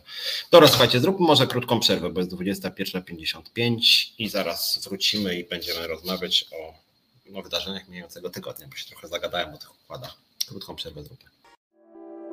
W niedzielę spada gorączka emocji, siedmiodniowe objawy ustępują, czynności życiowe stabilizują się. Wtedy ze spokojem, bez pośpiechu, bez nadęcia można na chłodno podsumować ostatni tydzień. Marcin Celiński, choć bez kitla, wraz z gośćmi postawi diagnozy, skonsultuje się z widzkami i widzami, a czasem wypisze receptę na przetrawienie kolejnego tygodnia. Rozmowy Celińskiego w niedzielę od 19. No i wracamy. Zmieniłem sobie teraz tutaj otoczenie nieco. Jestem na tle swoich znajomych wam e, książek. E, dobrze Gosia to podsumowała w sumie, że to jest proste, jak kogoś lubimy, to trzeba czekać na wyrok, jak nie lubimy, to wystarczy akt oskarżenia. No właśnie też mam trochę takie wrażenie. Ja bym się jednak skłaniał ku tej teorii, że w momencie, kiedy coś jest uprawdopodobnione, że rzeczywiście mamy bardzo dużo dowodów, że one są uderzające, e, że, że ktoś jest po prostu winny, no to wtedy możemy go y, zdezawuować, czy możemy uważać, że powinien stracić stanowisko. I moim zdaniem w wypadku Mejzy, Ziobry i Lisa też, też jest kompromitowany. Ja naprawdę uważam, że bardzo dużo jest przeciwko niemu różnych materiałów, które y, no, pokazują, że naganne były jego zachowania wobec wielu dziennikarzy. E, a z drugiej strony naprawdę uważam, że nie jest już przynajmniej dzisiaj dobrym dziennikarzem. Jacek Nowak że trudny to jest Spinoza, Biblia to tylko stara księga zawierająca mocno już przestarzałe i nieaktualne zalecenia i nakazy, dziś wyłącznie szkodliwa. Znaczy ja akurat jestem absolwentem filozofii, więc ja muszę Wam powiedzieć, że, e, że czytałem i Biblię, i czytałem również starożytnych filozofów, czytałem filozofów średniowiecznych i Biblia w kursie filozofii starożytnej i średniowiecznej uważam, że powinna być czytana, no, interpretowana i później można wskazywać różne inspiracje, że do pewnego stopnia e, również późniejsi filozofowie, nawet dwudziestowieczni nawiązywali do Biblii, niekiedy byli to ludzie niegłupi. E, natomiast to jest historyczny dokument, który jest dobry no, jako część historii idei, powiedzmy, tak? Natomiast wciskać Biblię dzieciom, jakieś w ogóle bzdury sprzed dwóch tysięcy lat, no co to za pomysł jakiś chory jest w ogóle, jeszcze sprzedawać to jako dogmaty, no to, to, to, to, to, to ma mniej więcej taki sam sens, jakbyśmy wzięli sobie Heraklita. No, nie widzę różnicy, Heraklit był moim zdaniem ciekawszy zresztą, ale bierzemy Heraklita i mówimy e, do czterolatka czy sześciolatka, słuchaj Jasiu, Heraklit to jest podstawa twoich wartości, pamiętaj, a, a Jasia, no właśnie dlaczego ten Heraklit, a czemu tam panie Krzysztofie, nie? Bo tak, ale jak to, bo tak? No bo to są dogmaty, że Heraklit i masz słuchać dogmatów, na tym to właśnie masz nie pytać, tylko masz słuchać. No i tak to jest robione z Biblią w Polsce, bo wiecie pewnie, że Biblia jest, religia jest wykładana w przedszkolach i, e, i, i od właściwie samego początku edukacji jakiejkolwiek treści religijne niekiedy są też w żłobkach, ale w przedszkolach, podstawówkach to już jest jakby instytucjonalnie. No i to jest szokujące po prostu, że pięcioletnie dzieci słuchają tych bzdur, tak, przekazywanych jako dogmaty. To jest kurczę szokujące. Jeszcze na mocy konkordatu jeszcze treści religii przygotowuje episkopat, episkopat, czyli władza zewnętrzna wobec państwa, ja dlatego tam udzieliłem ostatnio wywiadów na temat o Janie Pawle II i, i tam e, pyta mnie e, Anna Drejańska, która ze mną robiła wywiad, co ja sądzę o konkordacie. Ja mówię, że konkordat należy wypowiedzieć, a ona mi mówi, że Hołownia ma inne zdanie, bo Hołownia uważa, że on jest nieprzestrzegany. Ja sobie mówię, kurczę, w konkordacie jest zapis o tym, między innymi, tam jest dużo innych niefajnych zapisów, ale między innymi ten, że lekcje religii, które są w szkołach, przygotowuje episkopat, więc nie dość, że mamy coś takiego jak religia, co jest w ogóle jakoś dziwne, bo edukacja jednak powinna służyć szerzeniu wiedzy, a nie dogmatu, to jeszcze te lekcje religii przygotowuje episkopat, kurczę, i polskie państwo podpisało coś takiego. I jeszcze Hołownia mówi, przestrzegajmy tego, nie? No to przestrzegamy, nie? Naprawdę episkopat przygotowuje. Dla mnie to jakiś w ogóle absurd jest i to jest po prostu mm, szokujące. E, Piotr Strychalski zgadza się ze mną, że przypadek Lisa jest wystarczająco opisany. No też mi się wydaje, naprawdę, no poczytaj sobie te materiały. E, ja czekaj nie tylko, bo to już naprawdę dużo osób się na ten temat opowiadało w sposób naprawdę wiarygodny i, i e, wypowiedzi różnych osób, które się nie znają na różnych etapach ich kariery zawodowej, składają się na pewną całość, że LIS niestety jego model zarządzania był przemocowy po prostu moim zdaniem. I z mojej wiedzy, z ludzi, z którymi ja rozmawiałem, a pracowałem między innymi w TVP, jak LIS tam pracował, również to wynika, zresztą z LISem się spotkałem mm, dwa razy bodaj, mm, i muszę Wam powiedzieć, że e, nawet na takich przelotnych spotkaniach zwracał się e, dość nieprzyjemnie po prostu, tak? Nie będę cytował, bo jak wiecie, rzadko przeklinam. On przeklinał mm, wobec współpracowników e, i to przeklinał głosem podniesionym. W związku z tym wydaje mi się, że nawet to są zachowania jednak naganne. Marek Jurkiewicz przez Funduszu Sprawiedliwości są finansowane m.in. Instytut Monitorowania Chrystianofobii i Nauki Przedmałżeńskiej organizowane przez Fundację Mamy i Taty. No właśnie, nie ma zarzutów wobec Ziobry, ale to, że ten typ z Funduszu Sprawiedliwości, który jest funduszem celowym na pomoc ofiarom przestępstw, finansuje kurczę coś takiego, to to jest po prostu marnotrawienie środków publicznych, działanie na szkodę państwa. W jakim sensie Instytut Monitorowania Chrystianofobii i Nauki Przedmałżeńskie, jeszcze nauki przedmałżeńskie, w jakim sensie nauki przedmałżeńskie to jest walka z przemocą, z ofiarami przestępstw? Przecież to jest jakaś totalna, e, totalna kpina, więc ja to uważam, że to jakiś absurd jest.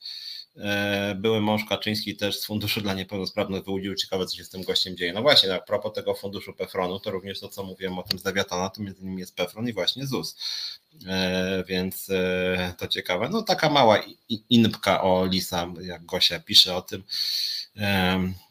jest ogromna różnica między oskarżeniami a orzekaniiem o winie. Ja się zgadzam, Jacku, więc tutaj zamknijmy ten temat Lisa, bo tematów rzeczywiście mm, mamy dużo, tylko tak przeglądam, co wyście mm, co wy, co, co wy mi tutaj piszecie, żebym jakiś temat ewentualnie od was podchwycił, bo jestem człowiek bardzo otwarty, towarzyski e, i staram się reagować na to, co lud mówi, a szczególnie lud programu, który prowadzę i lud, który jest mi generalnie przyjazny. Darek Bielecki, strajk kobiet, największa porażka. No muszę z przykrością powiedzieć, że częściowo tak, chociaż z drugiej strony wydaje mi się, że strajk kobiet wyzwolił na przykład pewien potencjał antyklerykalizmu i to jest duża zasługa strajku kobiet, niezależnie od tego, że on teraz bardzo osłabł. Hmm.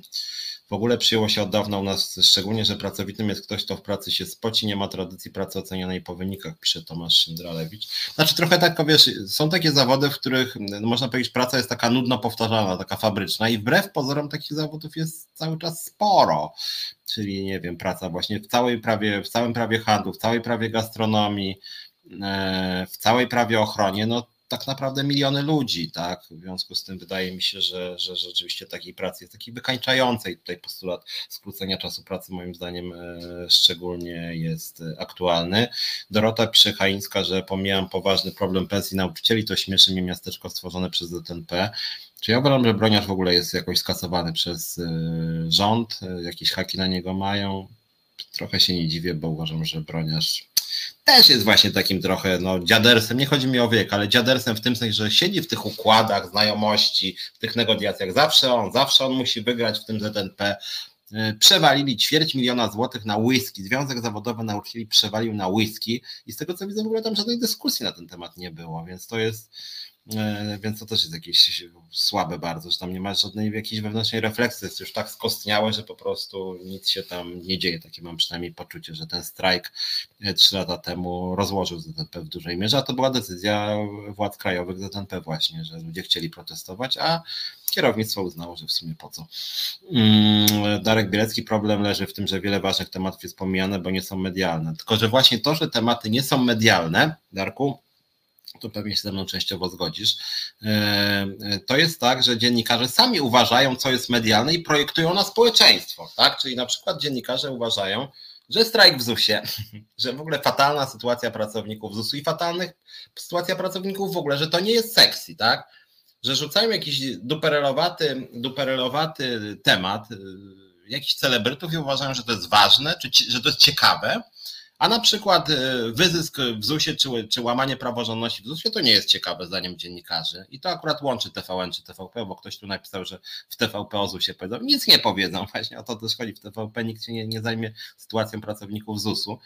Eee, pomysł na temat Krusu, pyta Piotr Rychalski, czy to ma sens. Eee, zależy o co pytasz, nie? Jak chodzi o sytuację pracowników, no to my myślimy nad związkiem zawodowym w Krusie, tam zacząłem rozmawiać z kilkoma pracownikami, natomiast co do reformy Krusu, to jest, że tak powiem, kiedyś możemy w czasie na związki o tym pogadać, bo temat jest moim zdaniem ciekawy, natomiast Krus, pamiętajmy, też jest progresywny w ogóle, więc to nie jest też tak, że to jest jakiś tam wielki przywilej.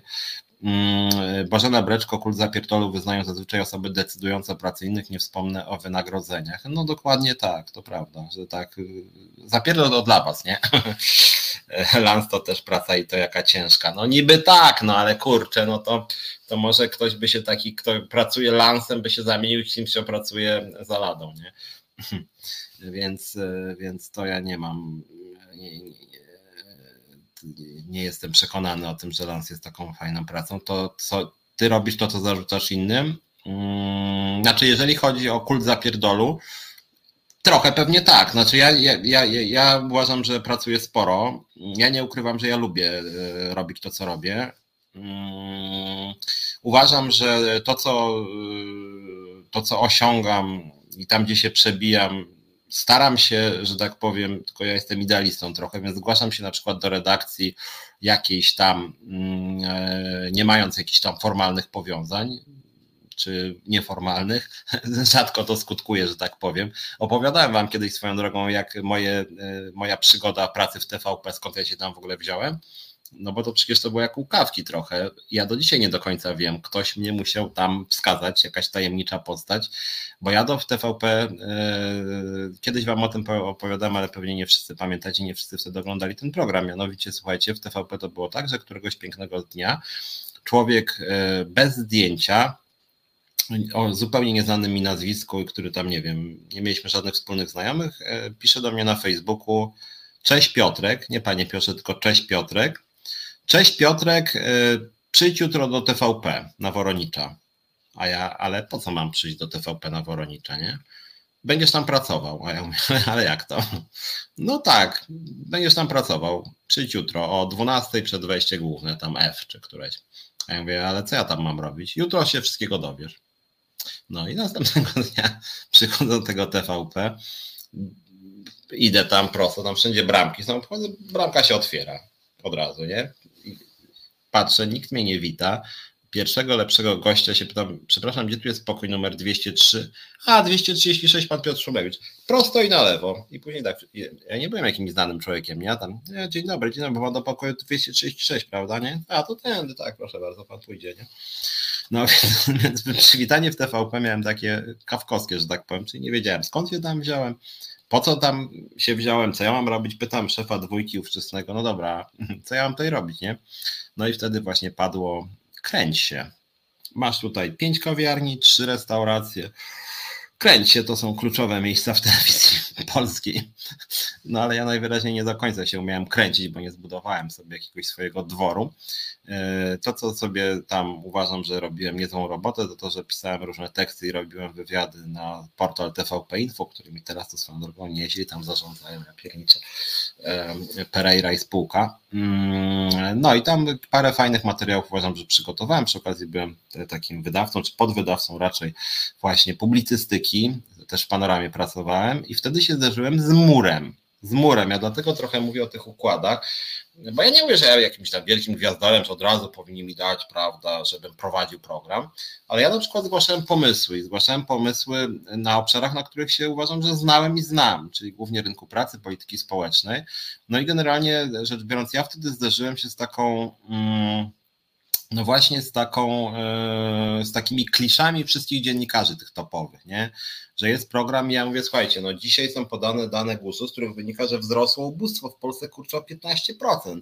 Ja mówię, to jest po prostu straszne, nie? Mówię, 15% bezzębne ubóstwo, kurczę, ludzie nie dojadają. Zróbmy o tym, zaprośmy gościa, eksperta, y, i tam wymieniam czterech profesorów i mówię, no, okej, okay, ja rozumiem, prawda, wymogi telewizyjne, tych dwóch profesorów mówi ciekawie bardzo, nie mają gadane, to jest bardzo ważny temat.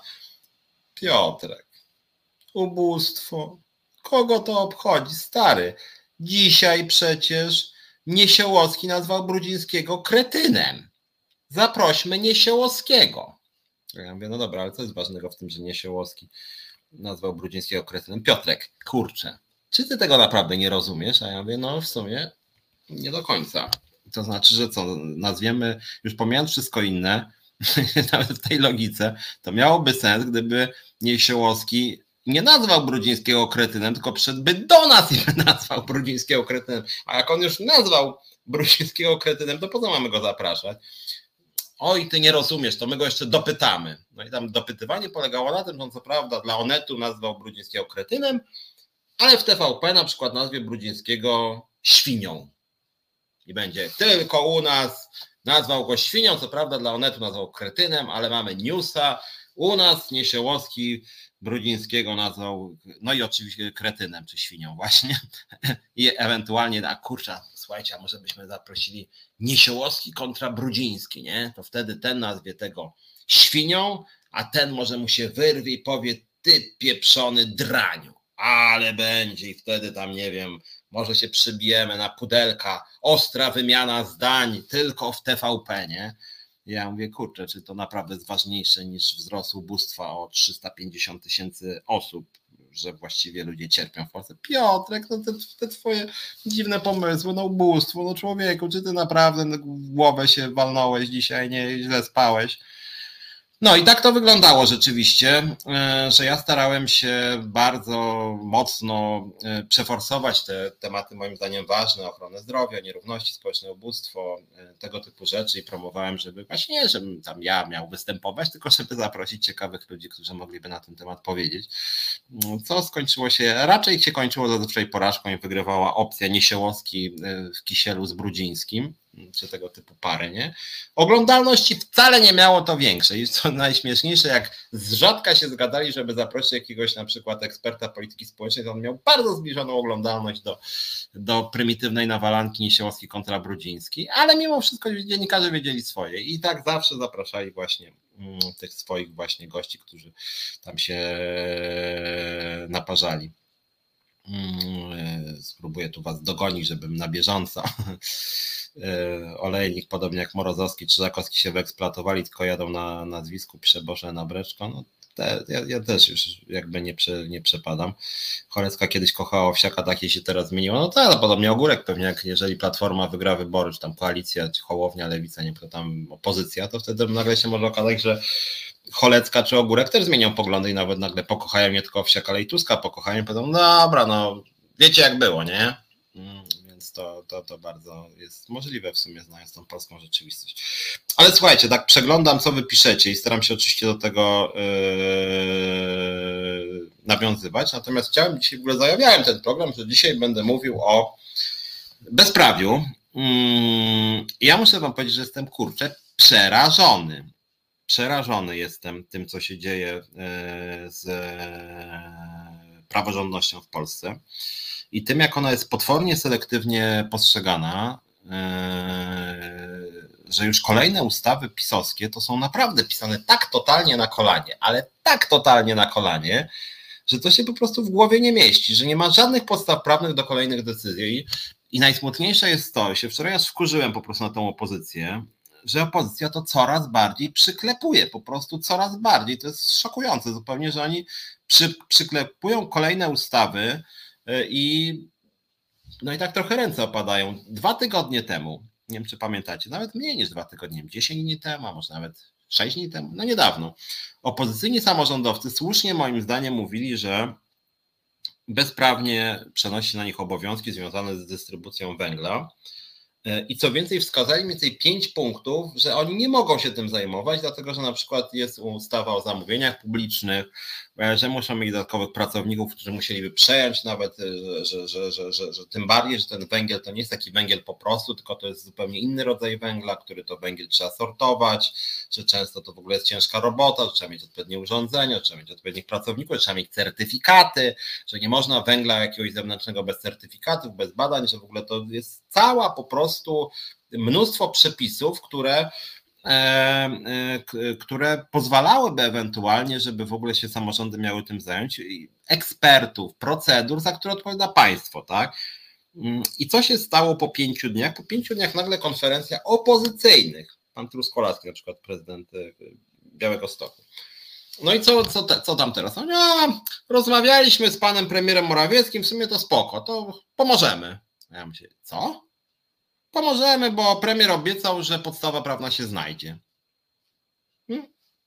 Ja myślę, ja pierdzielę po prostu, czyli najpierw wymienili bardzo konsekwentnie pięć punktów, co najmniej pięć punktów, że nie ma podstawy prawnej, opisali je, że nie można z dnia na dzień sobie znaleźć tą podstawę prawną, wymyślić na, na kolanie, po czym przychodzi Morawiecki i mówi, jak w każdej sprawie mówi, coś wymyślimy, nie? No i ci samorządowcy, okej, okay, w sumie dobra, to, to możemy już mówić, że będziemy to dystrybuować, a i mówcie, dobra, będziemy dystrybuować.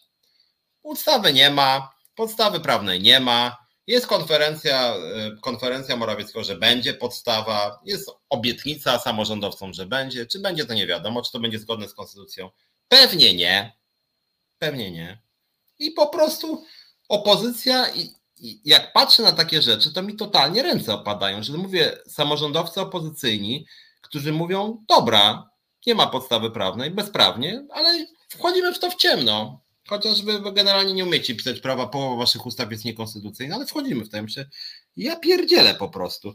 I później czytam, że jak się ośmieszają też ci samorządowcy, kiedy nawet przed programem, jakbym teraz spojrzał, pewnie w komórkę było podobnie, news, wody polskie nie mają węgla. Czyli Morawiecki jest kłamcą, o czym wiemy dobrze, oszukuje. Wszystkie te jego deklaracje ustaw to jest jakiś absurd. Oni w ogóle, te ich ustawy prawie wszystkie już są niekonstytucyjne i po prostu i po prostu już nie będę wymieniał nazwisk, ale rozmawiam czasem z posłami opozycji, ja się nie kryguję specjalnie, mówię, ludzie, co wy w ogóle wyprawiacie? Dlaczego to gówno przyklepujecie? Trzy tysiące dopłaty na węgiel, później się okazuje, że to jest w ogóle niekonstytucyjne, źle napisane, obejmuje tylko niektórych. W ustawie jest wpisana kwota wydatków, się okazuje, że jest za mała, inaczej się nie starcza. Nie wolno zgodnie z ustawą więcej wydać. Ten Morawiecki robi konferencję. Może nie można, ale ja dekretem wydam. A opozycja, o, no dobra, no co prawda jest to bezprawne, no ale, no ale trzeba tak może działać, jak w sumie nawet, że jest bezprawne, no ale to my też zagłosujemy za. I głosują za. I później idą do Klarenbacha i mówią, ale niekonstytucyjna, głupia ustawa Klarenbach. A jak pan głosował, panie pośle? No ja głosowałem za, bo musiałem, ale i po prostu jak ja to wszystko oglądam, to mi ręce opadają, bo mi się przypomniało, pierwszy raz to się zdarzyło z Polskim Ładem. Ja bezpośrednio brałem w tym udział i czytałem akurat e, te kolejne wersje Polskiego Ładu, chociaż jakby wszystkich się nie dało przeczytać, bo oni bez przerwy to zmieniali. I wychodził Morawiecki i mówił, wszyscy zarobią więcej. A ja mówiłem, przecież kłamiesz człowieku, co ty w ogóle kurde bredzisz? W ogóle nie ma takiego prawa, żeby wszyscy zarobili więcej. I miał jeden dzień. Sasin przychodzi, czy jakiś tam Soboń. Ustawa jest, ustawą, że wszyscy zarobią więcej. Ja mówię, ale jak to? Przecież w ogóle w tej ustawie nic takiego nie ma, ona w ogóle jest bezprawna, nie? Wchodzi do Sejmu o godzinie trzeciej w nocy. O dziesiątej pierwsze głosowanie. Kto jest za? Wszyscy. Poza dwunastoma, którzy się wstrzymali, tam sześciu przeciw, dwunastu się wstrzymało, dziesięciu nie brało udziału w głosowaniu. Ze wszystkich posłów, nie? Ja mówię, jak kurczę, do tych opozycji, jak wy możecie za takim głównym głosować? Przecież to, czy nie można by przyjąć zasady, że każda ustawa, która nie jest zbadana przez Biuro Legislacyjne Sejmu, głosujemy przeciw zasady, bo jest źle przygotowana, po prostu, nie? Oni, no wiesz, ale by nas wyborcy zjedli, czy tam TVP, TVP by nas zjadło, zazwyczaj używają argumentu. No i po prostu jak ja na to patrzę, to po prostu już jest państwo, no, no nie wiem, jakiegoś wyschniętego gówna po prostu. No to jest w ogóle niesamowite, że ta opozycja to jeszcze przyklepuje po prostu. Na przykład, no nie wiem, jeszcze, jeszcze, jeszcze to, to, że na przykład część w ogóle osób już nikt prawie się tym nie interesuje, że oni na przykład zliberalizowali standardy ekologiczne odnośnie węgla, że oni zaczęli handlować węglem brunatnym te debile po prostu. Yy, I to naprawdę nie trzeba być ekspertem, żeby wiedzieć, że to jest w ogóle szkodliwe dla zdrowia i niebezpieczne, że oni tak liberalizują te przepisy dotyczące węgla, E, i, i w ogóle spalania, że, że znowuż pogarszą się wskaźniki zdrowotne, że ludzie będą umierać, po prostu będą zabijać ludzi swoją polityką. I idę do takiego, nie wiem, Hołowni, Czarzastego, nie, czy Tuska, czy Kośniaka i mówię, ludzie, kurczę, władza chce zabijać ludzi, dosłownie, zabijać ludzi. No Piotrek, kurczę, no, no ale jak to mamy przeciwko głosować? No przecież nas TVP zje. I tak sobie myślę, aha, to, to po, po co wy w tej polityce, kurczę, jesteście?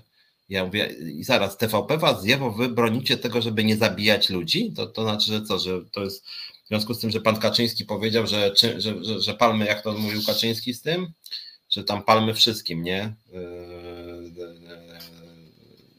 Kaczyński dał zielone światło, a i że w ogóle tam węgiel brunatny jakoś ludzie w Bełchatowie żyją, w sumie to palmy, nie? I ja myślę, no, trzeba powiedzieć, szkodliwy debil, nie? Znaczy niebezpieczny idiota. A, opozycja, no dobra, no niebezpieczny idiota, ale lepiej zagłosować za, nie? I później tak człowiek myśli, aha, no to w ogóle to jest opozycja w tym kraju jakakolwiek. Ja mówię, uważam, że jeżeli.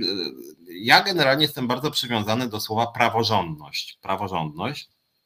I dlatego przepraszam Was bardzo za katowanie Was zakładem ubezpieczeń społecznych, ale to jest dla mnie świetny przykład, również jak się prawo selektywnie traktuje i przez polityków, i przez dziennikarzy. W ZUS-ie pani Uścińska literalnie złamała co najmniej trzy ważne przepisy prawa pracy. Co najmniej trzy. Co najmniej trzy.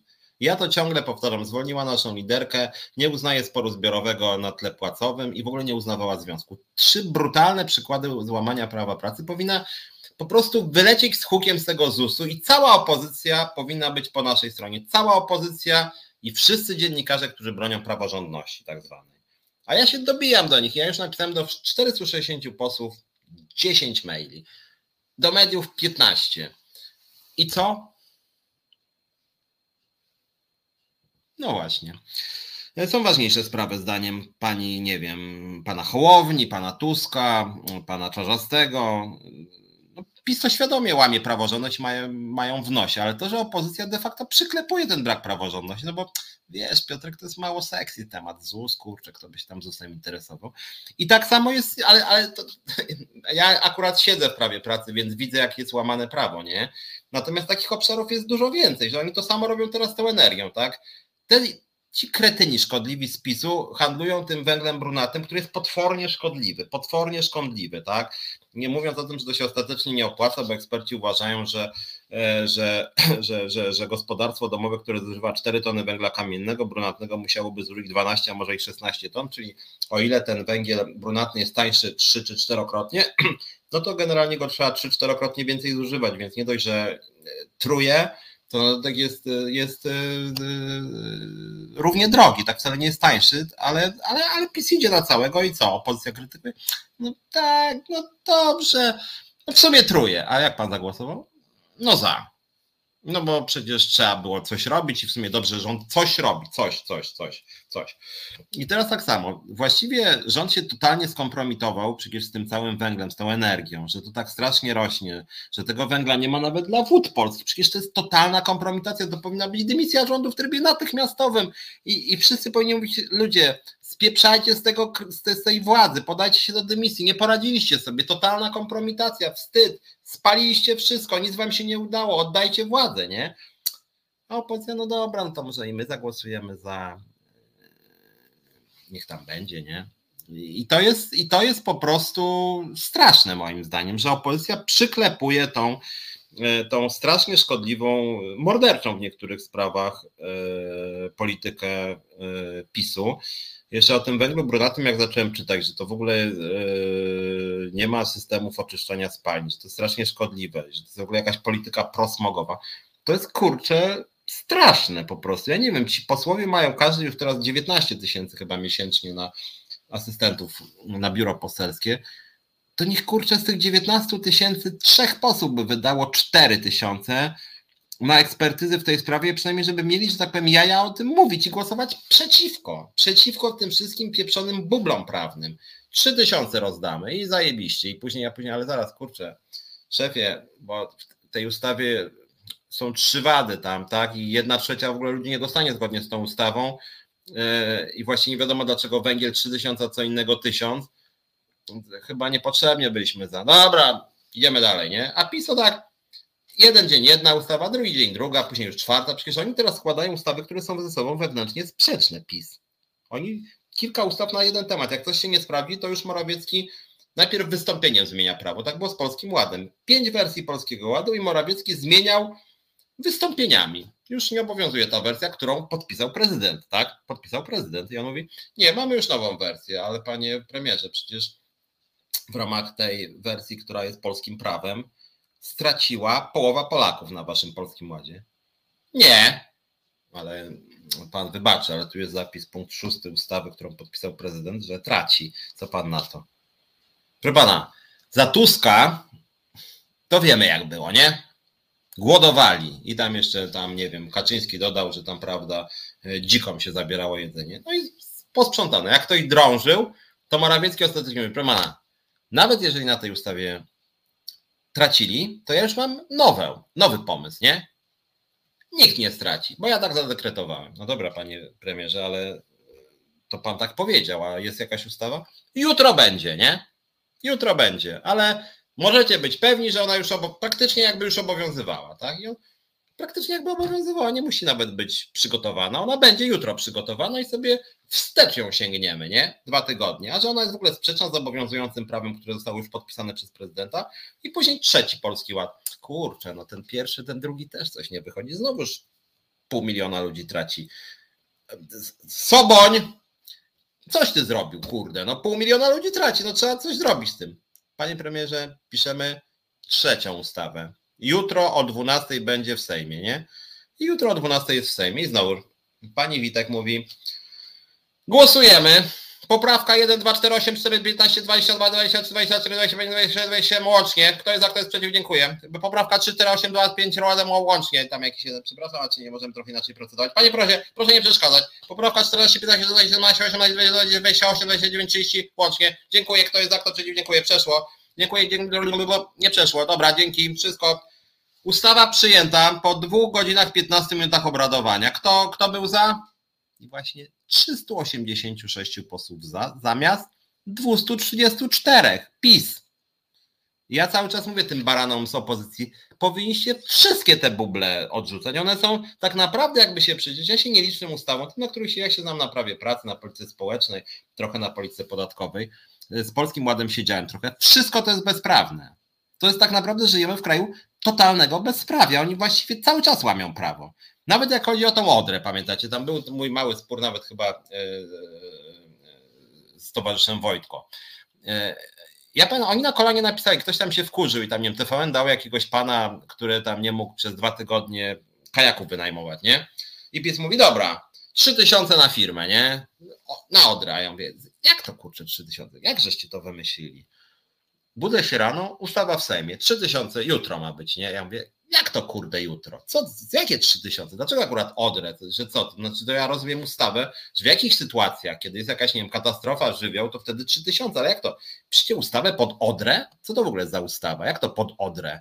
Czyli na przykład jak jest podobna katastrofa na, mm, na Wiśle, to już ma być inna ustawa? Ja mówię, ludzie, pamiętajcie się, ty nie lubisz Polaków, spieprzaj Szumlewicz, nie? Głosujemy, tak? Dzisiaj po 15 minutach 12.38, głosowanie. Tam opozycja, no dobra, to może poprawkę zgłosimy. No i znowu, Witek. Poprawka 1, 2, 4, 8, 9, 14, 15, 16, 17 łącznie. Kto jest za, kto jest przeciw? Dziękuję. Poprawki 3, 4, 8, 5, 6, 7, 8, 12 razem łącznie. Dziękuję, do widzenia. Pik. 13.33. Głosujemy. Kto jest za? 396 osób, wszystkie poprawki opozycji odrzucone. Ja myślę, ja pierniczę, co, co to w ogóle jest, nie? I tak ze wszystkim, kurczę, że naprawdę żyjemy w państwie z gówna. Ja przejrzałem tylko kilka ustaw, ale tak naprawdę to państwo, całe to państwo tak kurczę działa. Całe to państwo. I to jest po prostu coś zupełnie, zupełnie niesamowitego. Mm, ja tego naprawdę totalnie nie rozumiem. Jak można przyklepywać tego typu ustawy? Opozycja powinna być we wszystkim, no nie, we wszystkim praktycznie. Właśnie powinna być opozycją totalną. Nie dlatego, żeby, że PiS jest zły i trzeba głosować zawsze przeciwko, tylko naprawdę ustawa, która wchodzi do Sejmu o trzeciej w nocy, i głosowanie nad nią jest o 11 i właściwie to już PiS to mógłby już to biuro legislacyjne Sejmu i Senatu, znaczy Sejmu, bo w Senatu nie ma większości Sejmu, oni mogliby je w ogóle zwolnić. Bo właśnie po co to biuro legislacyjne Sejmu, kiedy zbiera się to biuro legislacyjne i o trzeciej jest e, ustawa, oni tam się zebra, zbierają o dziesiątej i mówią, no dobra, to zaraz, bo to chyba niekonstytucyjne, a tam Terlecki mówi, spokojnie, ta ustawa już jest przegłosowana, w związku z tym może nawet którąś kolejną popracujecie, nie? Mm, I to jest po prostu, ja nie wiem jak wy, ale ja to muszę powiedzieć, że to jest koszmarne koszmarne zupełnie, że, że, że oni właściwie totalnie niszczą prawo już i, i to, że ta opozycja to przyklepuje. Bolon, bolące to jest bardzo mocno. E, przepraszam, trochę jakby lekceważyłem teraz mm, wasze mm, wpisy. Tomasz Indrelewicz, że przy wyborach kopertowych Pinokio szukał podstawy prawnej. Tak, on szukał, no ale, ale zwróć uwagę Tomasz, że to się w ogóle zmieniło, że teraz oni już nie szukają podstaw prawnych że teraz idą po prostu lawiną te ustawy zupełnie bezprawne i już nawet nie szukają podstaw prawnych, bo wtedy to można było trochę inaczej i też moim zdaniem bardziej cisnęła opozycja. Eee, I eee, a teraz to już po prostu, no, jaka jest podstawa prawna pod jakieś 3000 rozdawnictwa za węgiel? Nie ma. No i co z tego, że nie ma? Kto jest za wszyscy? Dobra, idziemy dalej, nie? Później nagle Sasin mówi, dobra, jest 3000 na węgiel, to jeszcze rolnikom dajmy węgiel. Po 3000 na węgiel plus węgiel. Bo akurat to jest grupa, którą warto, żeby na nas głosowała, nie? I później kto jest za, kto jest przeciw? Wszyscy za. I sobie myślę, ja pierniczę, w ogóle co, co, co tu się odbywa, nie? Co to w ogóle jest? Później widzę, że w ogóle opozycja idzie w tym samym kierunku. Nie wiem, lewica, to, co ja mówiłem, AGD, dodatek 2,5 tysiąca na AGD wpadła w pomysł lewica. Co myślę, ja pierdzielę, co, co się w ogóle w tym kraju odbywa?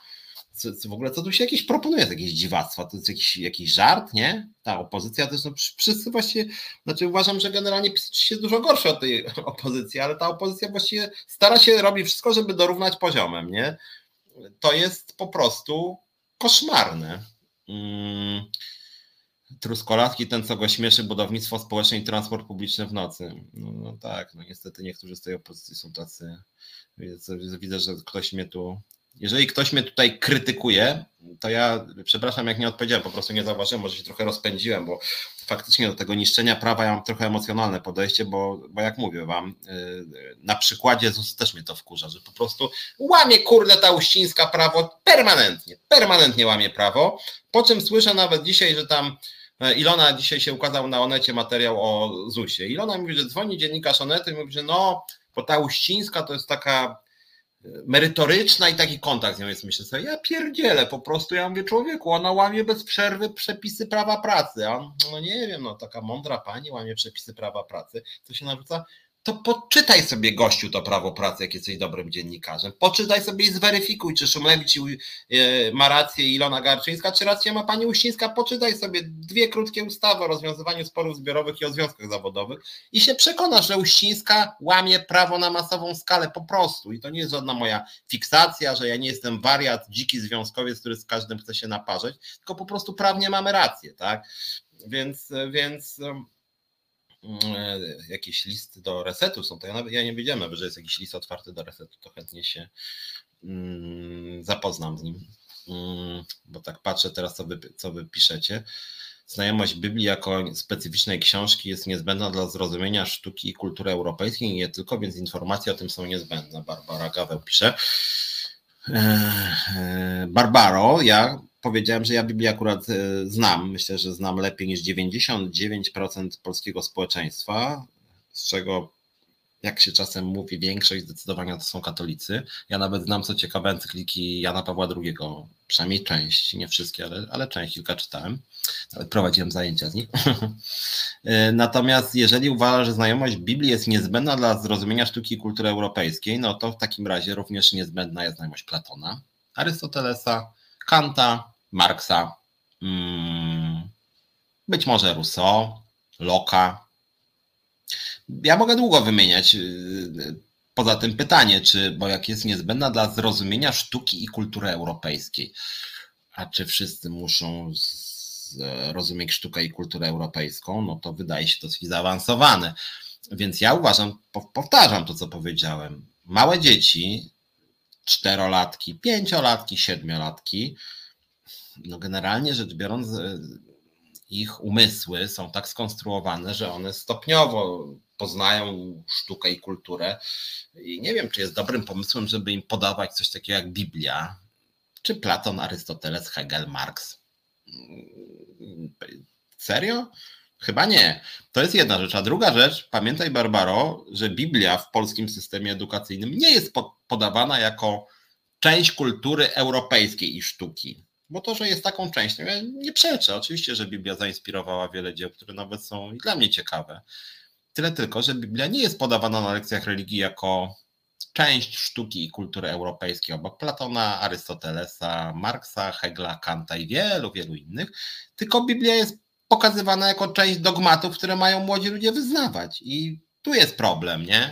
To, że Biblia powinna być na, nie wiem, przedmiocie typu historia i społeczeństwo albo historia idei, tak, Ja mówię, ja sam studiowałem filozofię i czytaj na niej też mówione było wiele o Biblii, różnych wykładniach Biblii zresztą.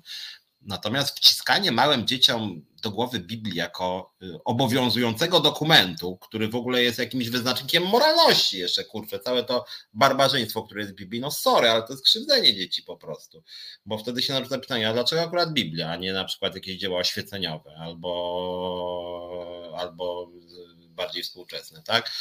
Więc, y, więc tutaj to ja mam bardzo poważne wątpliwości. E, pamiętajcie, strajk nauczycieli Dora pisze, Diamant, była szansa na uwalenie całego rządu, Broniarz okazał się łami strajkiem, Kaczor obciążył podwyżkami samorządu, a Broniarz przystał na to. Zgadzam się, ja uważam, że wtedy Broniarz dał ciała, znaczy to było strasznie słabe, nie wiem dlaczego to zrobił. E, słabo to wyglądało moim zdaniem. Jestem w lesie z komentarzami. No jestem, kurczę, w lesie. Mm, patrzę, to może spróbuję jednak przyjrzeć się przynajmniej chwilę, jak prawa pracownicze w resecie, Piotrze. E, powiem tak, e, w Halo Radio było dramatycznie źle, to znaczy był po prostu mobbing. Mm, bardzo brutalny moim zdaniem. Większość osób się stamtąd wypisało. E, w resecie my nie jesteśmy zatrudnieni na etat. Też trudno, żebym miał etat, kiedy prowadzę po prostu jeden program, mm, czy dwa razy na tydzień, czy dwa razy na tydzień, dwa programy. To nie jest podstawa umowy etatowej i potem ja nie jestem pracownikiem redakcji, nikt nie jest pracownikiem redakcji. Chętnie bym więcej zarabiał, szczerze powiedziawszy. Będę o to wnioskował. Natomiast nie ma mobbingu, nie ma dyskryminacji. Yy, przynajmniej nie słyszałem nic na ten temat. Jeżeli takie doniesienia by były, to się bym tym zainteresował, tak jak się w Halo Radio zainteresowałem, ponieważ najpierw miałem sygnały od innych osób, później zauważyłem, później również mnie zaczęto niejaki wątły zaczął również wobec mnie zwracać się w sposób co najmniej agresywny, tak? taki kulturalisa, że tak powiem, czy nawet jeszcze gorzej. Mm, więc jeżeli chodzi o to, te prawa pracownicze w resecie, no to tak jak mówię, nie, nie, nie widzę ich łamania, chociaż jak mówię, chętnie bym więcej zarabiał. To dotyczy w ogóle moich miejsc pracy.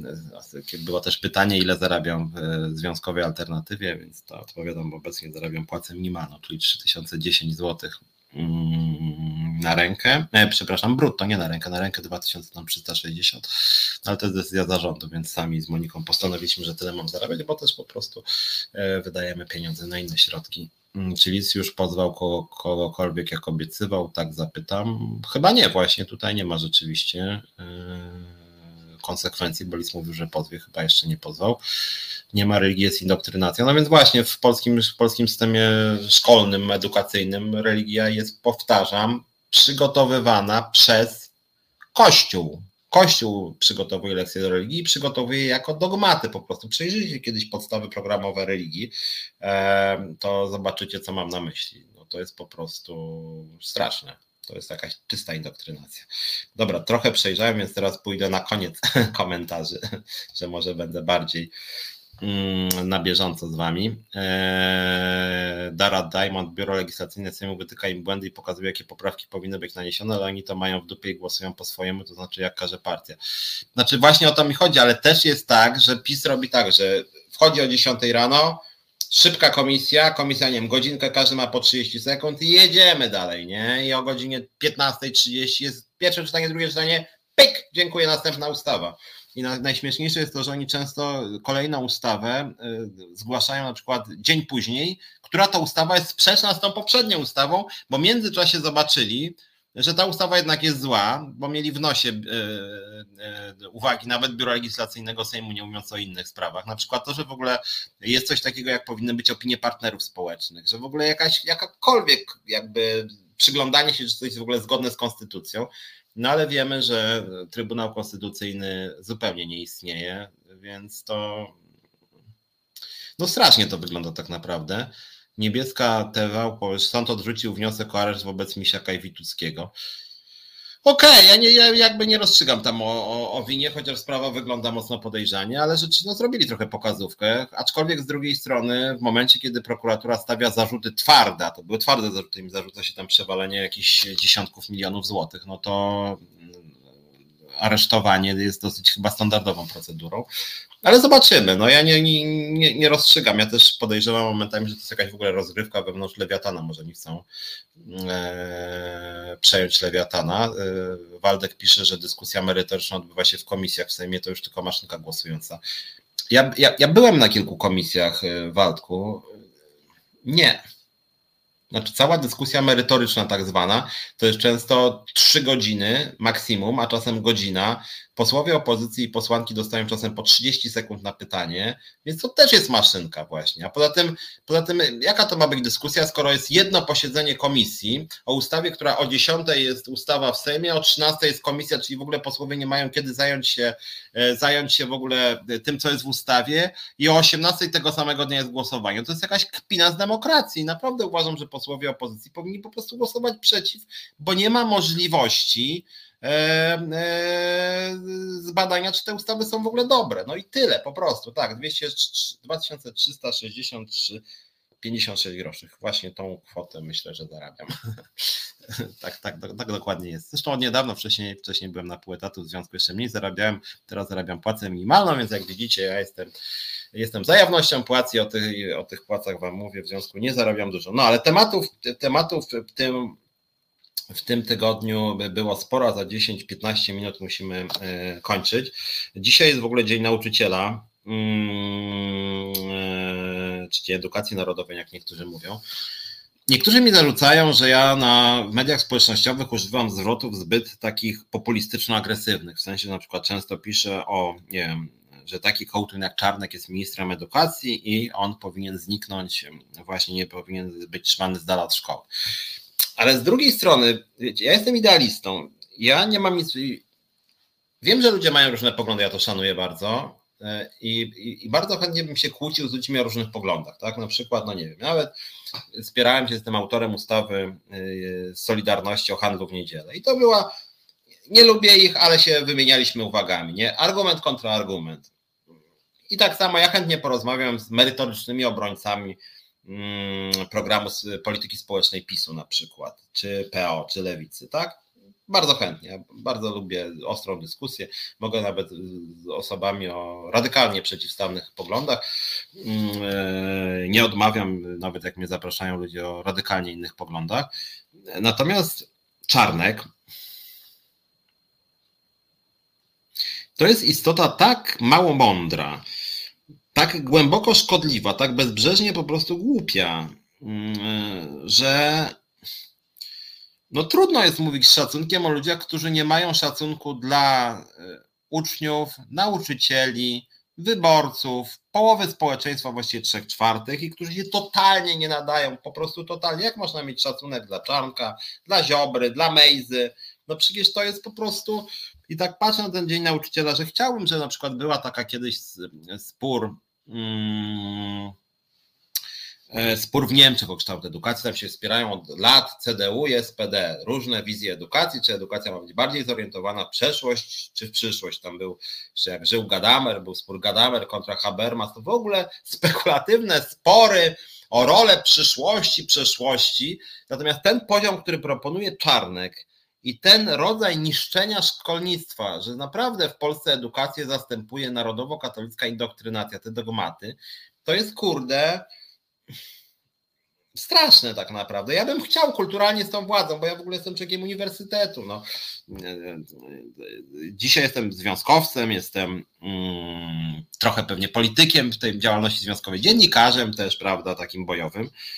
Ale ja jestem też człowiekiem uniwersytetu, ja bym chętnie porozmawiał na teorię, na przykład polityki społecznej, ja mam sporo publikacji naukowych odnośnie polityki społecznej, ale jak z tymi matełami rozmawiać? Po prostu jak oni wszystko, to jest fatalnie przygotowane, fatalnie. Natomiast widzę, że jeden ciekawy problem, bo aż nie chciałem o tym mówić, ale w sumie temat jest ciekawy, mianowicie z żabką. Mm, ja jestem socjaldemokratą, jak na Polskę pewnie bardzo jestem lewicowy, natomiast rzeczywiście mm, pomysł przejęcia żabki przez państwo polskie. Znaczy, ten mój wyraz twarzy, który tak się pojawia co 10 minut dzisiaj, tak trochę nie wiem jakby co powiedzieć. Znaczy, że, że co niby? I co z tą żabką? Że jaki to w ogóle ma sens, nie? Ja tam się spierałem nawet z kilkoma znajomymi socjalistami, którzy mi pisali, że, że, że, że państwowe to lepsze. No, w jakim w ogóle sensie lepsze? Znaczy, ja wiem, jak działa telewizja polska, jak działa, działają polskie linie lotnicze LOT i tak fatalnego pracodawcy jak pan Milczarski, prezes LOTu, trudno znaleźć. Pani Uścińska, prezes Zakładu Ubezpieczeń Społecznych, nie chcę się powtarzać. E, to, co się dzieje w samorządach, i to wcale nie tylko pisowskich, dramat. Dramat. To nie znaczy, że trzeba wszystko prywatyzować, bo uważam, że usługi wrażliwe, takie jak właśnie ochrona zdrowia, jak edukacja, e, pomoc społeczna, powinno to być w pełni w rękach państwa czy, czy przynajmniej powinno to być w 100% przez państwo zarządzane, w sensie powinny być bardzo dużo warunków. Chociaż ja akurat to jestem za absolutną dominacją sektora publicznego, podobnie system emerytalny. Natomiast takie przekonanie, że jak państwo przejmie żabkę, czy, czy nie wiem, biedronkę, to ono, to, to, to nie wiem, żabka będzie lepiej działać, bo ja też trochę nie rozumiem celu. To znaczy, że co, wyda Kaczyński powie, dobra, kupujemy żabkę, nie, za 50 miliardów złotych. I, co, i, i, po co to znaczy, że co to, co to będzie, że co oni będą chcieli kosić konkurencję dopłatami do cen? I my będziemy płacić jako społeczeństwo dopłaty do chleba w żabce po to, żeby upadła biedronka i żeby żabka zdominowała rynek i później jak będzie kryzys, to znowuż będziemy poprzez dopłaty do żabki dopłacać do cen i dzięki temu sami będziemy dopłacać do nich, żeby później trochę taniej kupować, bo ja trochę nie, nie, rozumiem tego sensu, tym bardziej, że jeśli chodzi akurat o segment handlu detalicznego, nie widzę jakichś jakby przewag sektora publicznego nad prywatnym, a przede wszystkim naprawdę sposób zarządzania Prawa i Sprawiedliwości instytucjami publicznymi, spółkami Skarbu Państwa to jest dramat. Dramat. To jest raz. Dwa, jeżeli już w ogóle o tym mówimy, to znowu z tą żabką to jest tak, że prezes, który ostatnio, kurczę, właśnie sobie przygotowałem, aż nie zdążymy, bo mam 10 minut, przygotowałem sobie ze 20 najbardziej bezsensownych cytatów prezesa Kaczyńskiego, który ostatnio już totalnie odpływa, ale totalnie odpływa prezes Kaczyński. Eee, I, i, i, to jest taki odpał kolej. A może byśmy sobie żabkę przyjęli i biedronkę, nie? Mówią, i, i tam później pytają Morawieckiego, no to jak to z tą żabką będzie? A mój kurde, nie mogę się Kaczyńskiemu naleźć. No bardzo ciekawy pomysł, nie? I, I, co, czyli co tak sobie, przyjdzie Kaczyński i powie, żabka jesteś moja?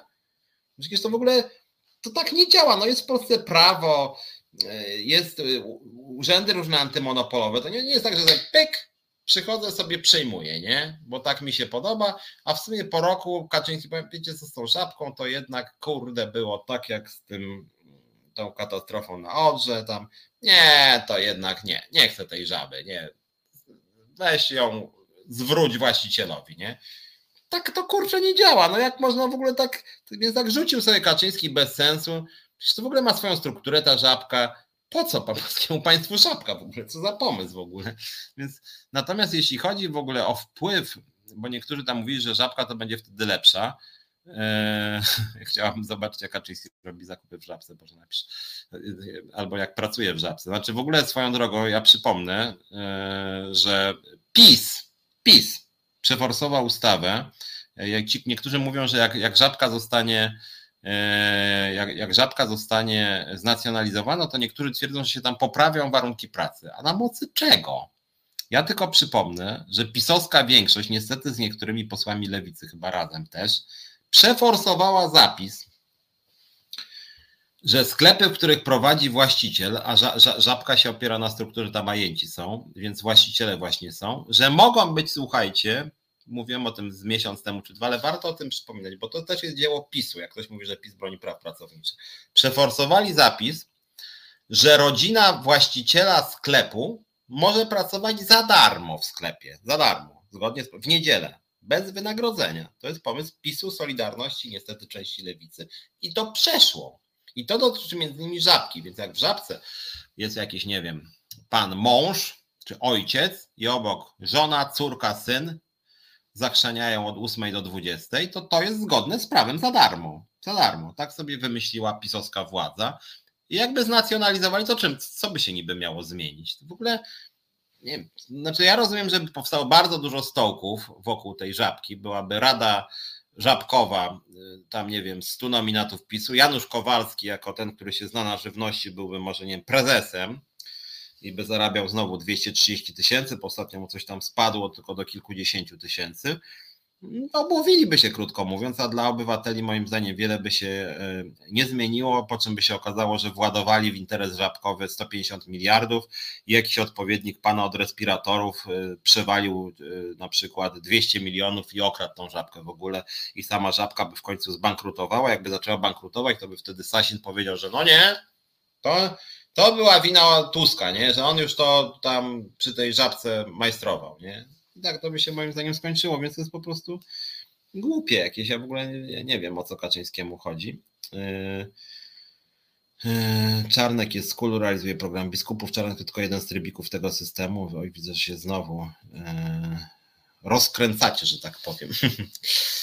Więc mamy jeszcze 5 minut. Żabka nie jest ryzykowa. Ja nie wiem, Waldek, to jest tym, jakby są jakieś sporo odnośnie tej tej e, e, ryzykowatości żabki, chociaż akurat biorąc pod uwagę pomysły Kaczyńskiego, to jeszcze by się okazało, że żabka zostanie znacjonalizowana i jej szefem zostanie, zostaną właśnie redemptoryści. Więc też bym się nie dziwił, jakby tak było. E, państwowa sieć sklepów do pomysł opowieści podręcznej, tam sklepy się nazywały Loaves and Fishes, no tak, tak. Jeden z właścicieli żabki finansuje ryzyka, ale żabka nigdy nie była ryzykowa, taka kalka mit krąży w Polsce. No właśnie ja nie wiem jak to jest z tą żabką, ale właśnie wszystko jedno, no to jest troszkę troszkę absurdalne, nie? E, a, że Obajtek. Obajtek to w ogóle niedługo będzie już od wszystkiego zupełnie. On tak, on tak po kolei tam trzepie te kolejne sklepy. Dobra, słuchajcie, jeszcze jest kilka, kilka minut. Tak, e, tak patrzę, bo tych wątków jest właściwie długo, dużo. Patrzyłem na wystąpienie Glapińskiego i znowu to jest kolejny typ taki jak Czarnek. Jak można mieć dla tego typa szacunek, nie? Jak można mieć dla Glapińskiego szacunek? Ja bym chciał, ja w ogóle ja się nie czuję bardzo kompetentny, jak chodzi o politykę finansową państwa, więc nawet chętnie bym posłuchał ekspertów, nie? Po czym wychodzi Glapiński, sobie myślę, prezes NBP-u to powinien być e, ekspert, nie? Po czym słucham Glapińskiego, który robi jakieś dziwne gesty, pajacuje, jakieś żartuje sobie, a w sumie ha, ha, ha, najlepsze mamy warunki od czasu zaborów. I tak sobie myślę, ja pierdzielę, w ogóle co to jest za jakiś typ, nie? Bo w ogóle to jest poważna sprawa tak naprawdę, czy czy e, Rada Polityki Pieniężnej powinna zwracać uwagę tylko na siłę waluty, czy powinna też uwzględniać na przykład mm, wzrost gospodarczy i poziom bezrobocia? Stare spory i w zasadzie ciekawe nawet, tak? Tylko, że Glapiński to jest takie pajacowanie po prostu, że jakby trochę nie wiadomo kurczę co powiedzieć, nie? E, kolejna sprawa, odnotowałem odnotowałem optymistyczny element i sam częściowo w nim nawet, że tak powiem, brałem udział w rozwijaniu tego pozytywnego elementu, mianowicie liberalne media po raz kolejny, czy no po raz nie za wiele było tych razów, ale chodzi mi o to, że liberalne media zaczęły odkrywać, że papież Polak niekoniecznie był przyzwoity. Ja oczywiście polecam niezmiennie moją książkę sprzed 10 lat, właśnie niedawno minęła dziesiąta rocznica mojej książki Ojciec Nieświęty. E, no i TVN właśnie trzy dni temu był zupełnie niezły materiał. Z tego materiału wynikało, że uwaga, uwaga, szokujące, straszne, przygotujcie się, ten szok musi, to jeszcze trzy lata musimy poczekać, ale przygotowujcie się do uznania, że Jan Paweł II nie był może taki święty, jak się nam wszystkim wydawało. Ale jak, ale cio... Nie, nie, to aż nie chcieliśmy aż tak ale przygotujcie się, nie? Więc TVN zrobił krok do przodu, żeby powiedzieć, że może jednak ten papież nie był taki bardzo fajny. Ja już to 10 lat temu mówiłem, papież był postacią wyjątkowo obrzydliwą, podłą, niemoralną, zepsutą, krył przestępców na masową skalę, o wszystkim wiedział, osobiście chronił wielu przestępców w sutannach i właściwie jest istotą, która powinna zniknąć e, jako patron szkół, szpitali, sklepów, e, czego tam jeszcze. Papież jest wszędzie po prostu. Teraz to, że po prostu dzisiaj pani Maląg napisała, że była jakimś tam, nie wiem, szpital chyba, e, nie, szkoła, szkoła imienia Jana Pawła II. Ja pierdzielę, nazywać szkołę i, uczynić patronem faceta, który krył pedofilów, no to jakaś perwa obrzydliwa jest po prostu. Ja pierniczę po prostu też mnie wkurza, ale cieszę się, że, że tak już na serio, że, że w TVN kolejny niezły materiał się ukazał, chyba już go tam nawet można e, obejrzeć. Był pogrzeb Urbana e, z Krzyżaniakiem, o tym, o tym Urbanie nie rozmawialiśmy za bardzo. E, mi się wydaje w ogóle, że że Urban sam sobie pisze to, co, co się dzieje po jego śmierci, co, co, co prawica mówi na jego temat. Sam im pisze scenariusze, nie? To, że pan Janusz Kowalski już coś mówi o tym, że trzeba go już przed jego pogrzebem mówił, że trzeba go wyrzucać z powązek, to właśnie sam Urban by coś takiego, coś takiego by, by, by chyba zasugerował Januszowi Kowalskiemu, albo Morawiecki powiedział, że on osobiście zadba o to, żeby, żeby w historii Polski wyszła prawda na temat Urbana. No to właściwie Urban, jeżeli jest jakieś życie po śmierci, Urban się tam widzi jakimś swoim jednym okiem, to by po prostu kwiczał z radości, widząc co wyczynia, co się mówi o nim, bo ja uważam, że y, trochę Urban jest, że tak powiem, przereklamowany w każdą stronę. Dużo fajnych tekstów napisał, natomiast z drugiej strony Urban mm, no też wiadomo, obrzydliwe rzeczy robił w stanie wojennym właściwie trochę był podobny do Kurskiego, tylko że można powiedzieć, że częściowo zadośćuczynił krytyką kleru, a Kurski nic dobrego nie zrobił. Dobra, słuchajcie, powoli musimy kończyć, chociaż tych wydarzeń ostatnio było sporo. Morawiecki był na spotkaniu z hiszpańskimi neofaszystami na przykład. Roczne wydatki kancelarii Morawieckiego już miliarda chyba sięgnęły. Dzisiaj jest już, że e, Brejza mm, wygrał, przynajmniej częściowo wygrał z Kaczyńskim proces. Chodzi o to, że ta sprawa podsłuchów Pegasusem na jaw e, ma być zbadana ponownie przez sąd, a sąd pierwszej instancji e, odrzucił i powiedział, że w ogóle nie będą się tym zajmować. Teraz on powiedział, że będzie się tym zajmował. W międzyczasie też Brejza wygrał z Ziobrą proces, więc Brejza ma w ogóle dobry tydzień. Chodzi o to, że, że, że prokuratura nie może informować, nie może ukrywać informacji o, śledztw, o śledztwie smoleńskim. Kuchciński wrócił do rządu, to jest jakaś taka właściwie trochę groteskowa historia, bo ten Kuchciński to też jest kawał niezbyt mądrego człowieka. Dobra, słuchajcie, musimy kończyć. Bardzo Wam dziękuję. Trochę było inaczej, nie było towarzysza, e, towarzysza Krzyżaniaka. Ja za tydzień mam wyjazd, kasowali mnie na tym Europejskim Forum Nowych Idei, za to mam teraz jechać na forum e, w Krynicy Zdrój, stamtąd mnie póki co nie chcą wyrzucić, ale wrócę na ten program, a program Czas na Związki zrobię na 99% we wtorek o 15.30. Zmienię sobie, bo w środę będę w podróży, a nie chcę opuszczać swojego programu, więc wtorek o 15.30, a później z Krzyżaniakiem o 21.00. Bardzo Wam dziękuję i dobrej nocy Wam życzę. Wszystkiego dobrego, dobranoc.